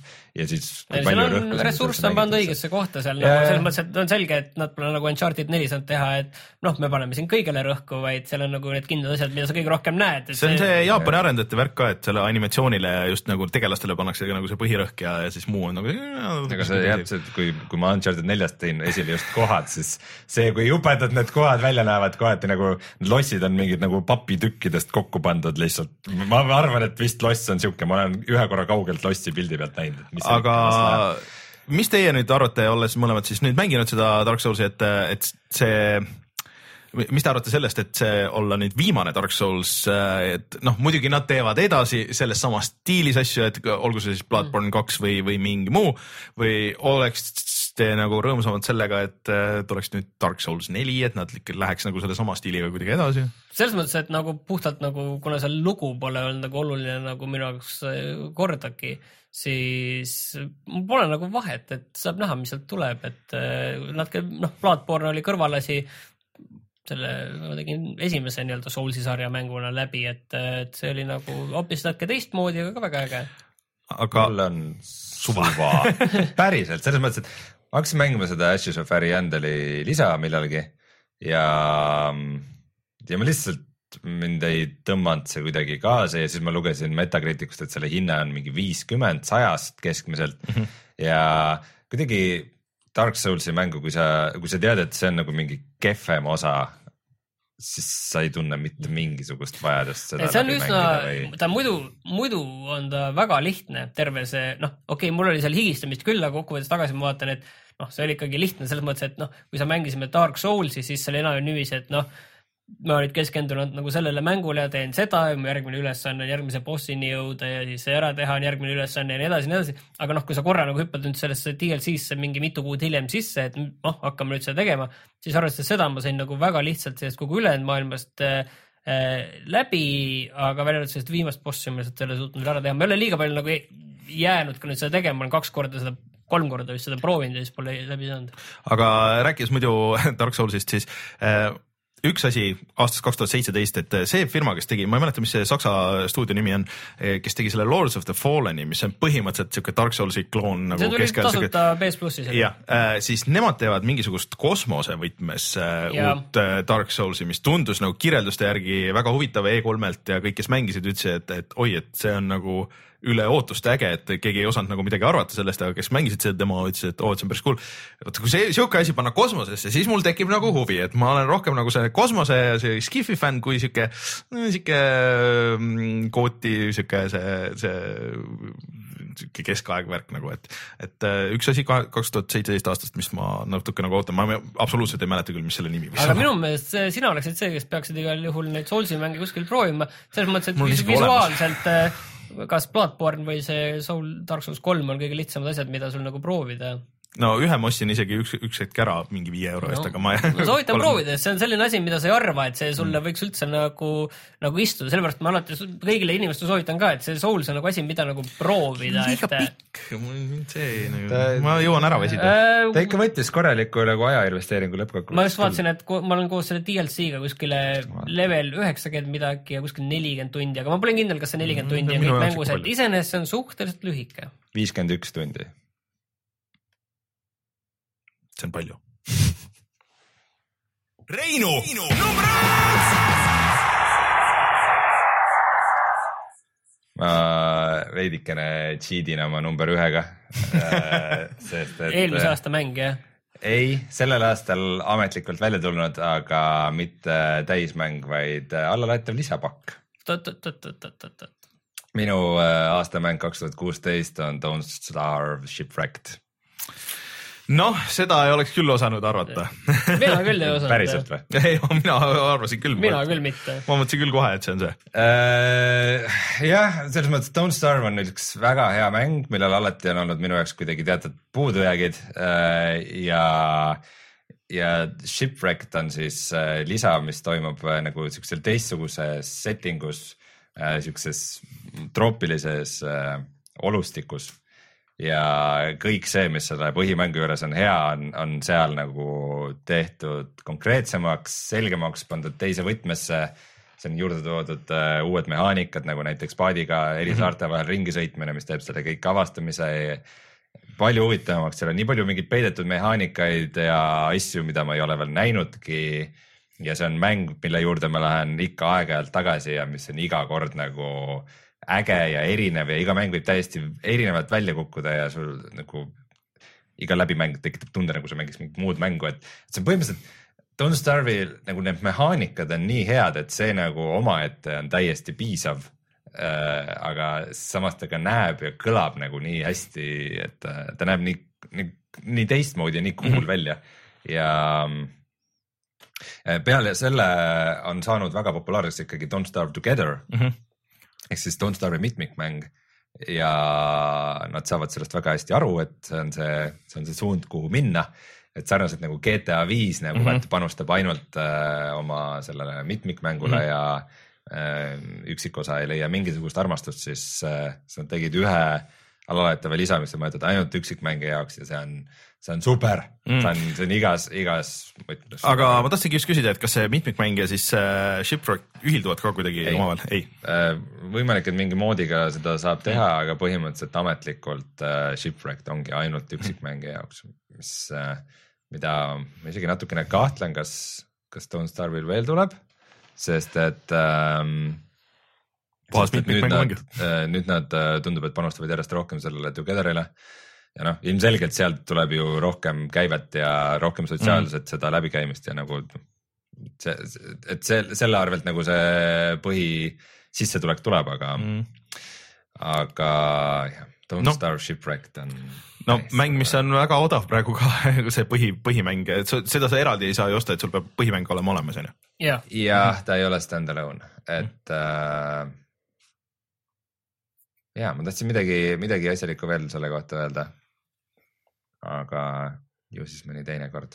see on lihtsalt äge. no lihtsalt... meil on väga mitu videot sellest, äh, nii et. Äh, Shipwreckist meil ei ole just mitte. Shipwreckist no, ei ole. siis on. aeg teha äh, ma olen seda väga pikalt planeerinud sarnases võtmes nagu Long Darki video oh,. Rein, aga see idee, mis mul oli, et no teeme lõpus mis idee? teeme lõpus eraldi. lame maa, lameda maa video aa jaa, tõesta ära. lameda maa uudised. ja sa käid mm. selle läbi seal. ei ole ümmargune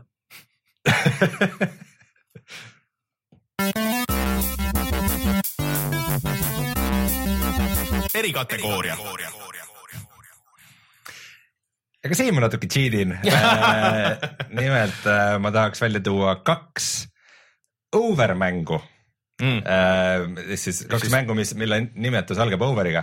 paraku mitte eestlaste overstep, mis ei ole veel meieni jõudnud ah,. Battlefrontist räägid või uh,? Battleborn on jaa, Battleborn on väga over mäng ja Battlefront on, seal over on nimes ikka nii sees, over battle aga siis Overwatch ja Overcooked on äh, kaks mängu uh,. Overwatch ikka nailib nagu nii palju asju, see nagu Blizzard ei ole kunagi teinud üksikisiku vaatest tulistamismängu ja siis, kui nad tahavad sinna tulla, siis on nagu miks sa, miks nad peaksid tungima sellele turule, kus on nii palju olijaid ja vanu olijaid ja ja peale nagu Overwatchi mängida Call of Duty või, või Battlefieldi nagu seda mitmikmängu, see on lihtsalt nagu, nagu jabur, see on kuidagi nagu mingid, mingid matšid käivad, inimesed jooksevad lihtsalt äh, ringis kuskil Call of Duty levelites ja tulistavad üksteist selja tagant ja siis järgmine kord sa tulistad ise kedagi selja tagant, siis sa juhuslikult satud sinna ja võib-olla see, kui sa saad väga heaks, sa oskad paremini positsioneerida ja kiiremini reageerida ja paremini aru saada, kust nad tulevad, aga nagu see lihtsalt mingi ringis siblimine mm. -hmm. ja, ja Battlefront on nagu seesama siblimine, aga lihtsalt nagu suurema skaalaga oh,. Overwatch. ei, Battlefront. Battlefield Battlefield on sama siblimine, aga suurema skaala, mul on täiesti sassis nad, eriti siis, kui me saate ajal räägime. Battlefield on lihtsalt yeah. on rohkem mängijaid, mis tähendab, et on rohkem inimesi ja suuremad kaardid, et rohkem võimalust, et sind kusagilt snaibitakse mm -hmm. maha. või kui sa ise mm -hmm. üritad snaipida, siis keegi spoonib sul selja taga ja lööb sul mm -hmm. labi taga maha. et kuidagi see lihtsalt ongi suur läbu ja kuus versus kuus, mis on Overwatchis see on nagu nii õige äh, nagu suhe. kas see on et... nagu Rocket League'i kolm versus kolm jah yeah,? või et nagu põhimõtteliselt... Titanfalli kuus versus kuus, mille et... üle kõik mögisesid kunagi. ja et see on nagu täpselt no selles mõttes, et eri klassidega ka kuidagi sa tunned, et, et sinu klassi valik on mm -hmm. oluline sinu isiklik panus on oluline, et äh, kas mäng äh, kaotatakse või võidetakse, et äh, see ei sõltu ainult sinust, aga sinul on seal osa mängida ja, ja see, see, et sa mängid ainult, sul ei olegi deathmatch'i, sa mängidki ainult nagu eesmärke, see Overwatch ikka ja pluss need klassid, need mängivad nii eri moodi nagu tõesti nagu öeldakse, et äh, kui sa, kui sa oled Quake'i mängija, siis sa mängid Farat ja kui sa oled äh, Counter Strike'i mängija, siis sa mängid Widowmakerit ja nagu, et iga ühe nagu see mängustiil on kuidagi erinev, et äh, see ikka toimib väga hästi. ja Overcooked on lihtsalt uskumatult lõbus mitmikmäng, nagu mm -hmm. sa lähed tülli kindlasti nende inimestega, kelle kohas sa mängid ja karjud nende peale, aga see on. see on nagu köögis ikka. täpselt, see on nagu köögis ikka, kõik mingi kõrbeb üle ja vaja õigel ajal tuua ja lihtsalt miks selliseid mänge ei ole rohkem nagu, kui sa, kui ma tegin selle läbi, siis ma lihtsalt mõtlesin, miks ma ei tea ühtegi teist nagu nii lõbusat äh, mitmikmängu, mida sa, mis tõesti lihtsalt oma idee poolest toimib nii hästi nagu mm -hmm. koos diivanil pultidega mängides, et äh.... no me peaks proovima, Needhog kaks tuleb varsti välja, siis äh, selle, selle peaks võtma, see on päris huvitav, sa tead, mis Needhogi see point on yeah.? et, et sa pead jõudma nagu teisele poole, et see kaks vist nüüd lisab nagu veel mingisugust keerulisust, et äh, äkki tuleb veel. äkki see on rohkem kui kaks värvi ka? Seal on jaa, täiesti teine graafiline stiil on. aa ah,, okei okay,, cool. aga jah, seda Overcooked'i me peame kindlasti no. oma striimi asjades tegema, aga kõik, kes meid kuulavad lihtsalt ma ei tea, lõbusamat mitmikmängu Pole olemas. Pole olemas Raineri, Raineri number kolm.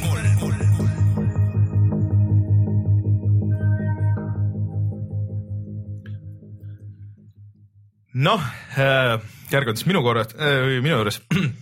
Äh, minu number kolm mäng, mis tuli välja nüüd siin detsembris ehk siis uh, The Last Guardian. see on ju katkine ja halva kontrolliga. kaamera jookseb ära. jah ja vahest kukub kaadrisagedus mingi kümnetesse ja, ja igasuguseid asju on.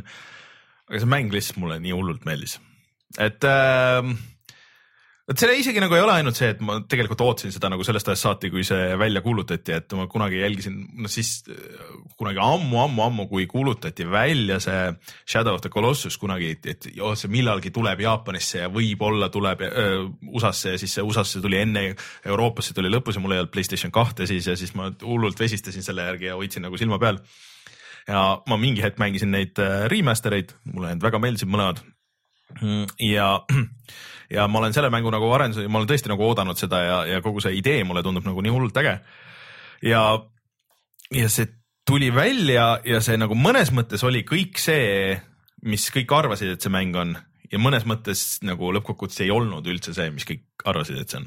et kui tihtipeale need mängud, mis on nii, nii kaua arenduses on ju, et igasugused äh, noh, Duke Nukemid ja asjad, siis mingi täiesti mingisugune suva, mingi, mingi lihtsalt mingid ideed, mis on olnud need aastate jooksul, midagi on nagu valmis saanud ja siis need on lihtsalt kuidagi kombineeritud kokku, et okei okay,, et siin on mingi asi, millest on võimalik nagu otsast lõpuni läbida mingisuguses järjestuses. siin on näha, et siin ongi samamoodi tehtud, sealt maalt ongi nagu tehtud enam-vähem, sest see on nii, mõnes mõttes nii arhailine. see, ta on arhailine, et seal nagu mingid need põhiasjad on ilmselt kunagi nagu paika pandud ja siis okei okay,, et need jäävad niimoodi nagu on ja selle ülejäänud ehitame nagu nii hästi üles, kui me nagu saame, et see noh, põhirõhk on ikkagi nagu sellel äh,, sellel atmosfääril ja sellel animatsioonil ja sellel sinu, selle poisi ja, ja siis selle, selle triko nagu suhtlemisel. ja okei okay,, ma olen nõus, et see kontroll on nagu, nagu veider ja eriti alguses see läheb ikka tükk aega, et see mäng on suhteliselt pikk tegelikult, et äh, äh mingi hetk sa õpid nagu noh, see ongi, et kaks asja, et sa õpid nagu lugema nagu paremini nagu neid leveleid, et sa umbes nagu tead, et mis millele vihjab, onju. sa õpid nagu paremini käsutama, trikotada vist nagu kuulab sind ka nagu paremini. ja sul nagu tekib veidral kombel nagu side selle virtuaalloomaga, kes lihtsalt nagu see. Tamagotši. jah, et see on Tamagotši, kellega sa nagu vahest räägid nagu, et kuule, et mine nüüd sinna või et oh, oh, et oo oh, äge, et, et see tuleb nagu nii automaatselt ja sa nagu mõtled või noh, sa isegi nagu ei mõtle selle peale mis on nii haruldane asi ühes mängus on ju. ja seal on ka väga palju unikaalseid puslesid, unikaalseid äh, lahendusi, mida on ainult ühe korra terve mängu jooksul ja siis ongi kõik, et. ja see tegelikult see lõpplahendus, et ma loodan, Martin, et sa viitsid jah, selle nagu mingi hetk nagu lõpuni teha. aasta alguses kindlasti jah. ja see lõpplahendus ei ole üldse see, mis võiks arvata tegelikult et ähm,. ma isegi ei arva midagi, päris aus olla. ja mida vähem arvata, see ongi siuke mäng, et mida vähem sa arvad, mida vähemate äh, ootustega sa sinna sisse lähed, tegelikult mul olid nagu ootused nagu lõppkokkuvõttes nagu, nagu suhteliselt madal, kui ma alustasin seda, ma mõtlesin, okei okay,, et noh, vaatame, et kus see siin nüüd siis täiesti nagu katki läheb nagu selles mõttes, et. Äh, Eurogeimer minu meelest ütles midagi, et seal on mingi äh, üks kõigi aegade kõige paremaid mängulõppe või midagi sellist, ilma midagi spoil imata. põhimõtteliselt küll Äh, sellest on väga raske rääkida niimoodi, et mida. ärme siis räägi üldse, jätame selle sinna. raske on leida paremat lõppu kui Rocket League'i võitluse ajal, kus sa lööd õhust. eelmine number on siis ei, äh, see on asi, mida ma soovitan tõesti kõigil mängida, kes äh,, ma ei tea äh, vot see on raske, kellele just soovitada. kellele ma soovitan seda onju, et, et kui sa nagu kannatad ära selle, et sul okei okay,, tõesti kontroll on tõesti vahepeal katki ja sa vahepeal lihtsalt lähed nagu nii närvisest, et sa tead täpselt, mida tegema peab, sest enne nagu noh, ütleme, said surma ja sa pead uuesti tegema mingisugust kohta. lihtsalt ei tee, et läheb teisele poole, et kuule, pead, tule nüüd siia, tule siia ära, nuusuta seda seina, tule tule ole siin nüüd, nii hüppame, nüüd lähme onju ja siis ta ei tee seda vahest, aga siis ta vahest teeb nagu kõike nagu, läheb nagu mingi flow'ga nagu see kogu asi edasi niimoodi, et sa nagu koos nagu avastate seda ruumi ja teete mingisuguseid asju ja siis sul ongi, et sul, et kuna seal on nagu võitlust, noh, sisuliselt ei ole onju ähm,, siis siis sul tekibki kogu see nagu see pusle, sihuke atmosfäär, The Witness üritas olla nagu puslemäng, kus avastad nagu seda. See mulle ei klikkinud üldse. Äh, vaata see kogu Last Guardiani atmosfäär ja kõik need asjad nagu jooksevad jälle nagu nii kokku, et, et sa nagu oled või noh, vähemalt mina olen valmis nagu ignoreerima nagu seda natuke seda kontrolli ja kaamerat, mis käib närvidele. aga see nagu tervik ikkagi nagu töötab. Rein, sa rullid silmi, sa ei taha mängida seda? miks sa ei taha? äkki on ka järgmise aasta topis? saan kindlasti tore. Reinu, Reinu number kaks kas see on see nali, et meil nimed lähevad vahetusse terve aasta jooksul? sassis võid sina ka sassi ajada tegelikult Raineri number kaks ja minu number kaks on Firewatch. Ehk siis äh, selle, no kõik see, mis Martin rääkis, et äh, selle lugu ja, ja need tegelased ja see suhtlus ja, ja visuaal ja, ja visuaal ja kogu see Olli Mossi värgi ja värk seal ja kogu see olustik äh, nagu klikkisid mul nagu õudselt hästi. see oli Olli Mossi. Olli Moss on äh, see kunstnik, kes tegi selle visuaalse, noh, põhimõtteliselt selle kontseptarti ja, ja selle kunstiline juht oli siis nii-öelda. Mm.. ta on äh, väga kuulus nende Star Warsi plakatite äh, pärast, mis vahepeal mööda interneti ringi käis, kus need siluetid ja asjad olid need siuksed toontoonis värvid. Mm. Võib-olla, mul on telefoni taustapilti üks neist. Noh, vot ühesõnaga tema oli see kunstiline juht seal. Ja kusjuures seda on nüüd ju kõvasti uuendatud ka, et siin on pandud ju kaardid ja värgid ja are, arendaja kommentaarid ja igasugused asjad, et, et äh, kuigi ta on lühike, ta ei maksnud täishinda, ta ei maksnud isegi nii palju kui The Witness, mis tuli ka suht samal ajal ja milles ma nagu täiesti pettusin selle neljakümne euro eest, mis nagu piltide peale videotes nägi sarnane välja. et ähm, see pikkus oli minu jaoks täpselt paras, see lugu nagu töötas minu jaoks nagu väga hästi isegi nagu see lõpp, mis oli nagu sihuke noh, nii ja naa, aga mulle nagu isegi pigem meeldis, et äh, äh, tõesti üks nagu siukseid äh, rohkem hinge läinud mänge üleüldse. äge, et selline indie-mäng ka põhimõtteliselt, mis on tõesti indie-mäng, mis näidatakse, et tänapäeval on väga võimalik teha mm -hmm. sellist väga head asja suhteliselt väheste vahenditega. ja on võimalik teha nii-öelda kõndimissimulaatorit, äh, mis näeb nagu samas nagu äge välja ka. On, on äge ka mänguna noh, mingil määral, et okei okay,, noh.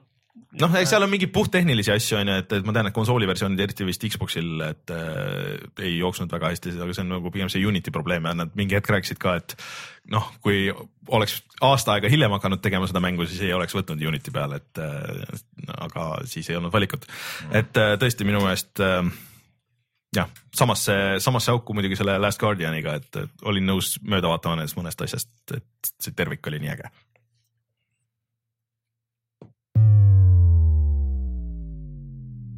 Raineri number üks! Noh, siin chatis on tehtud pakkumisi no, tegelikult teavad, päris palju teada. see on Hitman. See on tõesti Hitman. Uh, mäng, mis äh, suutis mind hoida terve aasta umbes niimoodi nagu Martinit hoidis äh, Rocket League kaks aastat aga ma olen äärmiselt pettunud teis mõlemas, et te ei ole kumbki mänginud seda siiamaani, sest et see. ma alguses mängi, proovisin mängida, aga see oli nagu mingi konsoolimäng, sa lähed sinna selja taha tüübil ja siis vajutab on... nuppu, sa pead, sa pead hiilima ja siis selle. oi, oi, see on, Martin, see on nii algus nagu selle kõige juures. okei okay,, ma niisama tahtsin kõik... norida ja, ja ei, ma lihtsalt ei ole jõudnud kõike, see on üks asi, mis ei jõudnud, sellepärast et see ilmus niiviisi nõmedalt episoodide kaupa. see oli siis parim osa sellest. ma hakkan nagu mängima ja siis ma teen selle väikse jupi ja ma unustan juba ära, kuidas see mängimine käis. ei ja..., ei, see, see on täpselt see oli kõige parem asi, mis nad suutsid teha sellega, et ja sellega nad lähevad edasi ka, et nad andsid selle leveli kaupa, sul oli aega minna levelitesse tagasi, seal olid need äh, noh, sa võisid vabatahtlikult teha neid äh, igasuguseid challenge eid seal, sul oli aega nagu süveneda sinna ühte levelisse, sul oli võimalik teha neid ähm, äh, elusive target eid, mida tuleb siiamaani, kohe tuleb jälle järgmine. okei okay,, see on nagu suurepärane idee selles mõttes, et kui, kui sul on mingi sihtmärk, mingi aja ja sa saad ühe korra hiilimismängus seda nagu proovida, siis see tähendab ja. seda, et sa sada protsenti kasutad neid hiilimismängu mehaanikaid, mitte sa ei mängi nii nagu Rein Dishonoredit mängis. pluss, pluss seal on võimalik minna, sa võid minna, sa võid minna relvadega peale kõigile, et sa võid, neid videoid on miljoneid kõige parem see, kuidas selles Ameerika levelis üks tüüp ikka tegi selle nalja ära, et seal on see suur, see oksalõikur. ja siis lihtsalt viis kõik tüübid, kes seal levelis on, seal on väga palju inimesi, kõik viis sinna oksalõikurisse nagu ükshaaval. sihuke superkott oli sellest ja, ja level värkad sõna otseses mõttes. jah, põhimõtteliselt ja levelid kõik on suured, äh, kõigil on nagu väga mitu tasandit, et sa võid minna noh, et kui sul on majad, siis majadel on kõik korrused, kõik toad on põhimõtteliselt läbikäidavad, äh, sul on igas toas on mingeid detaile, sul on äh, erinevaid asju, mis kas tapavad või, või lömastavad või, või, või tegelased, kes on nii-öelda story tegelased, kes käivad ringi ja kellele, mm, kui sa neid just nende kostüümid võtad, et siis sa saad mingitesse täiesti uutesse leveli osadesse, et ja, ja sul on igat levelit isegi selles nagu põhi main story missioonis sa võid teha nagu miljonit moodi, et keegi vist luges kokku, et puhtalt seal Pariisi levelis vist, et, et noh, mingi kolmkümmend kaks eri viisi, kuidas sa said lahendada seda ühte situatsiooni. et see noh, selle kõrval see Absolution tundub nagu see eelmine Hitman, see oli täiesti mõttetu. et seal oli umbes kolm viisi, kuidas sa võisid lahendada igat situatsiooni ja that's it on ju, et äh, vot need on nagu asjad, mida tahaks näha ka teistes mängudes, et, et okei okay,, et sul on äh,, target on see, et sa pead saama siia. kuidas sa sinna jõuad, on sinu, sinu valik, et kas sa nüüd lähed hiilid, kas sa tulistad, kas sa võtad äh, vaikselt kellegi maha tema kostüümi või lähed hoopis äh,, ma ei tea äh, või pead selle tüübi maha võtma, siis leiad kuskilt, äh, et keegi räägib, et oo oh,, et see mees läheb testima seda mingisugust seifi Äh, ja siis sa umbes paned sinna seifi, paned äh, plahvatava pardi ja, ja, ja lihtsalt ootad kuskil exit'i juures, et kuni ta mingi hetk sinna jõuab või paned rotimürki või paned äh, kõhulahtistit joogi sisse ja ootad WC-s, kuni ta oksendama tuleb ja siis ta uputad ta sinna WC potti oma okse sisse. et kõik need asjad on variandid, mis on võimalikud seal ja, ja see mäng kestab edasi ja mind üldiselt nagu mängud vaata ei hoia ju nagu nii kaua, aga Hitmani ma lihtsalt iga kord, kui see elusive target tuleb, no viimane mul jäi korraks pooleli, sest et need on tõesti rasked, et sul ei ole näidatud, kus, kus see tüüp tuleb, et sa pead nagu üles leidma ta konkreetselt. ja Eestit ei leidnud üles, ei saanud aru, kuhu ta tuli ja siis järgmine kord enam juba ei jõudnud, et ja sul on üks võimalus ainult proovida seda. Äh, ja, ja ootan juba huviga, et mis see järgmine tuleb, et need päris ägedalt nagu kirjutanud sinna story ja dialoogi ka juurde teinud tegelikult, et see ei ole lihtsalt niisama, et, et näed, see lase nüüd mingi tüüp, et, et seal on asju selles mõttes päris kavalalt äh, on nad mööda hiilinud sellest, et Rainer üle kümne tunni ühtegi mängu ju ei mängi. jah, see on kakskümmend tundi üle kahekümne tunni. kui sa annad niiviisi kolme või kahe tunni kaupa. seda ma räägin, minu meelest see on idekas, see on täpselt, see on just piisavalt palju, suur kogus Hitmani minu elus, et, et alguses esimene, see läheb niikuinii selleks, et sa õpid seda kaarti tundma, et läheb nagu kauem ja siis pärast läheb juba oluliselt, oluliselt kiiremini Martin saab puid alla, et uh, Walking Dead on ka tegelikult niisugune tükeldatud mäng. no tõsi jah. ei, ma selles mõttes, et äh, ma ei tee nüüd nagu selles mõttes väga tõsist uh, seda kriitikat selle mm. episoodide põhjal, et, et see oli rohkem nagu Raineri norimiseks, et et uh, mulle, kui selles mõttes, et ma olin muidugi alguses skeptiline. me olime kõik mõttes, ju väga skeptilised. aga ei, ma sain aru, et see nagu töötas selles mõttes. et no, no ainuke, mis oligi, et noh, kui need levelid oleks olnud viletsad et mm -hmm. kui oleks olnud see esimene, et see Pariis oli äge, aga siis teised on siuksed, et siuke, et okei okay,, et ega nad ei suuda hoida ja kui niimoodi oleks läinud, siis nad oleks põrunud sellega, aga kuna nad suutsid seda taset hoida ja pigem nagu seal see see kolmas level, mis tuli, see Sapienza, see oli nagu väga kõva ja see, see viimane.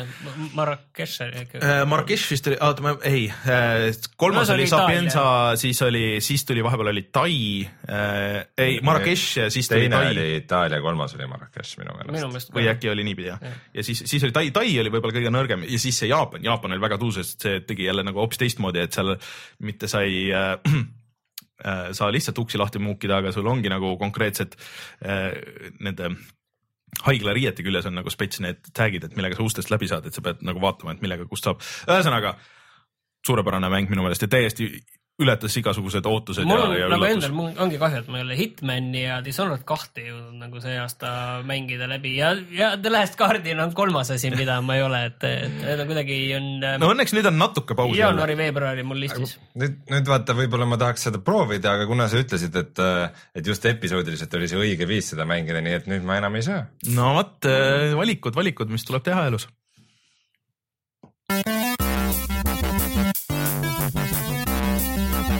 erikategooria.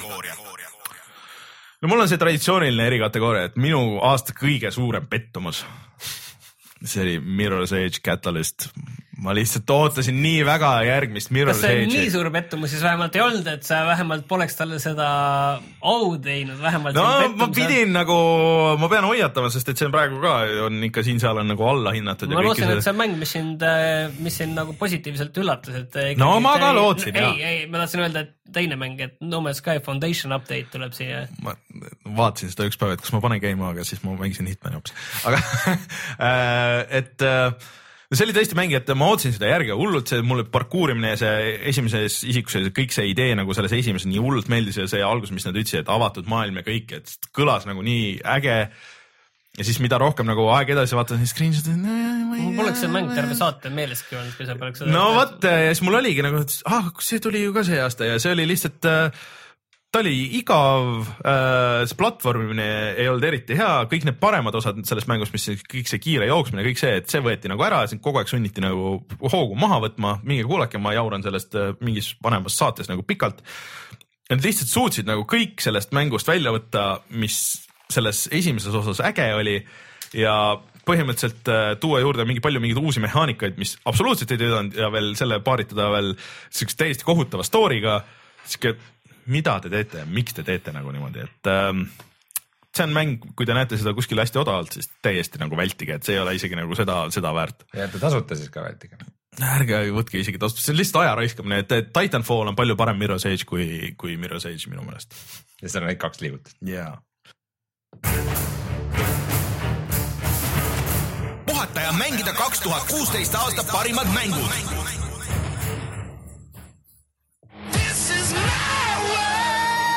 parim koht Assassin's Creed'i filmi vaatamiseks on kino Kosmos IMAX.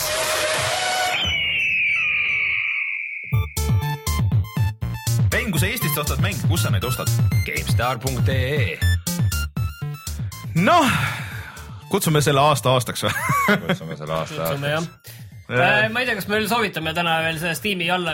minge vaadake, peaaegu kõik. Steamis on soodusmüük. kõik äh,, ühesõnaga kõik need asjad, millest me rääkisime ja kui nendest on arvutiversioon, siis need on praegu suhteliselt odavad. ja ühte asja, mis ma tahtsin öelda, mis meil käis chat'ist ka läbi, et äh, Life is Strange olevat seal viie euroga, et see on siis mäng, mis äh, kui me Telltale'idena kirusime, siis ta lööb Telltale'i enda mängus äh, palju parem episoodiline mäng nii loo kui valikute poolest, kui see Telltale on terve selle aasta jooksul teinud, ma isegi vaatasin, et tegelikult see Walking Deadi missioon tuli ka see aasta veel mm. tegelikult välja seal keva aasta alguses ja see ikkagi noh, olid nagu mõned hetked, aga ei, võtke see Life is Strange. ma ostsin päris äh, naljakaid mänge tegelikult vahepeal, ma ostsin selle terve Hexeni ja Heretiku paki, sest ma mõtlesin, et okei okay,, et see on, see, see, see, see on üks sihuke karmavõlg, et mis mulle meenus, et kuna see oli mingi kolm kuuskümmend vist oli kõik see kokku, siis okei okay,, et see on üks sihuke karmavõlg, mis ma pean kustutama. Heretik oli üks mu esimesi mänge. esimene, esimese selle peal just Heretik, sest Hexen oli mingi segane rollimängulik äh,. Hexenis sai aknaid puruks lüüa. seda küll, aga eks Hexen oli ju lihtsalt tuum teiste skin'idega. ja Heretic oli ka. ei, Hexen, pigem oli Heretic oli nagu, aga Hereticus sul oli hüppamine vist oli mm -hmm. niiviisi jah, et. ja seal oli mitu tegelast ja kõigil oli vist nagu fixed relv äkki. nüüd sa räägid Hexenist. ja sa räägid Hexenist. aga mis, oota, ei ma olen neid mõlemaid selgeks järgmiseks korraks. Hexen oli see põhimõtteliselt selline Metroidvanialik, et sul oli see ah, suur maailm ja sul oli mm -hmm. eritegelased ja mm -hmm. sa pidid avama kogu aeg suur overworld Heretic oli samasuguse üle, ülesehitusega nagu tuum, ainult samamoodi, samas Heretic ja Hexen toimusid samas maailmas, et see, see. Raveni mängud mm., seal oli veel Hexen kaks ka, et seda ma veel ei ole jõudnud proovida, aga noh, ma tõmbasin mingisuguse noh, neid räppereid on tänapäeval nii palju, et mis jooksutavad neid vanu seda noh, nii-öelda tuumi mootori peal asju tänapäevaselt, et sain sukelduda sinna korraks, see on siuke lõbus asi, mida ja teha. ma avastasin, et Hereticul tuli välja ka mingi täiesti ametlik lisapakk, millest midagi ja. ei teadnud ja mille ma ka mingi hetk Steamist ära ostsin, proovisin uh,. jõhkralt raske Need kipuvad olema. eriti see lisapakk, kus nad ikka panevad tuimalt nagu mingi Quake'i, need kaks mingit lisapakki mm. olid, Quake ühe. Need ka vist no, Rayman tegi. küll, kui rasked need olid et kui paned äh, veel ühe nõksu raskema peale, siis on ikka tõesti noh, higi näost väljas. aga kutsume selle kohutava aasta siis aastaks ja, ja järgmine nädal siis äh, tavalise saate ajal saadet ei ole, vaatame, võib-olla teeme testi striimi korraks, kui, kui tõesti jõuab, sest et äh, natuke peab katsetama, kuidas need asjad siin meil töötavad äh,. tuleb muusikasaade äh, ja siis seitsmendal on meil stream, kus äh, unustasin enne jah mainida, et äh, ka Toots on meil kohal ja siis Oliver ja, ja Madis ja siis Sten ja Jan ja, ja siis hakkame kuskil äh, lõunapaiku hakkame pihta ja siis. Äh, anname kõik... täpselt teada, millal veel. jah, ja kõik saavad tunnikese mängida ja juttu rääkida ja, ja siis äh, vaatame, kuidas see asi meil läheb, et me ei ole tehniliselt siukest, päris siukest asja ikka nagu oma jõududega teinud, et saab põnev olema selles suhtes. ja Youtube'is siis meil loodetavasti Steepi video ja siis kõik meie vanad videod nagu, nagu ikka, on seal jätkuvalt seal olemas ja alles. kõik mitusada tükki. vaatame, kas me lõikame sellest äh, aasta selle sektsiooni veel eraldi välja ka ja paneme üles äh, võib-olla parema, vaatame, võib-olla paneme Facebooki ainult äh, ja arutame. meil, meilt on oodata ka kirjatükke, ma ei ja. tea, tõenäoliselt lähimal ajal. no ütleme, üritame siin nädala jooksul need kokku panna. mina igal mis sina oled ka teinud endale top kümne nagu lausa ja. sinna, et äh, vaatame, mis Rein sinna teeb. mina kirjutan oma top kümne lahti kindlasti. ma mängisingi see aasta ainult viit mängu see oli tõesti, et äh, mulle tundus, et ei ole nagu kuidagi nagu väga palju kuidagi mm. sai nagu mängitud, selles mõttes, et tõesti ei olnud nagu probleemi, et oleks ka top kahekümne. minu meelest oli kogu aeg mingi mäng, mis ma, et kohe tuleb, ma pean seda mängima, sest et kohe tuleb see, ma tahan seda ka mängida. aga et.... ja Quantum Break on pooleli aga, ja siis äh, vaadake Level ühe kanaleid ka, et seal tuleb see ka aasta kokkulõpp kokkuvõtte video, kus siis ma korraks ka räägin enam-vähem nendest samadest mängudest üht-teist ja siis kas see digi tuleb ka vist, kus ma räägin mängudest vist kohe? jaa, see on meil, erinumber tuleb isegi, mis seal täpselt on. sa räägid igal pool mängudest. jaa, igal pool mängud erinumber tuleb jaanuaris, et eks siis näete, milles täpselt see on mm -hmm.. vot, kuulge. ei ole aitäh, Martin, aitäh, Rein, see on äh, minu meelest tõesti uskumatu, et meil kohe läheb käima viies aasta sisuliselt, et see on ikka nagu müstiline. meil ei ole veel viis aastat täis. viis aastat täis ei ole, aga no ütleme, jooksma hakkab viies kohe, et äh, see on äh, müstifikatsioon mu jaoks. aga. oleme vähemalt... kõik sama noored hingelt. ja, aga vähemalt see aasta tõesti, me unustasime alguses mainida, et see aasta me saime paar asja tehtud, mida me oleme tükk aega üritanud. me saime uue kaamera, uue arvuti ja need tuled. valgustus. valgustus mis nüüd on jäänud siin stuudios, on äh, natuke see laud ja siis, siis võib hakata mõtlema, et kas me ma, teeme selle taustaga midagi. tegime nii palju, et ja. ma arvan, et ja kaardin järgmine..., kaardin sai see aasta, seda teie ei näe, aga mina näen ja tunnen küll väga hästi, eriti siin suve lõpupoole. et ma olen väga õnnelik ja. väga kõrged eesmärgid olid. see oli, see oli tõesti, kus. võib-olla, võib-olla järgmine aasta üritaks saavutada selle, et teenime selle saatega nii palju raha, et me ei pea see päev tööl käima, et siis me oleme värskemad. noh no, see vist läheb raskeks. see läheb raskeks. keeruliseks jah. aga võib ju loota. aitäh äkki kõigile. viie aasta pärast. äkki viie aasta pärast aitäh kõigile, kes meid äh, nende aastate jooksul ja selle aasta jooksul eriti on äh, vaadanud ja kuulanud. kohtume siis kõigiga juba järgmine nädal, mina olen Rainer, minuga Rein ja Martin. aitäh ja tšau. aitäh head vana aasta lõppu. ja head vana aasta lõppu tõesti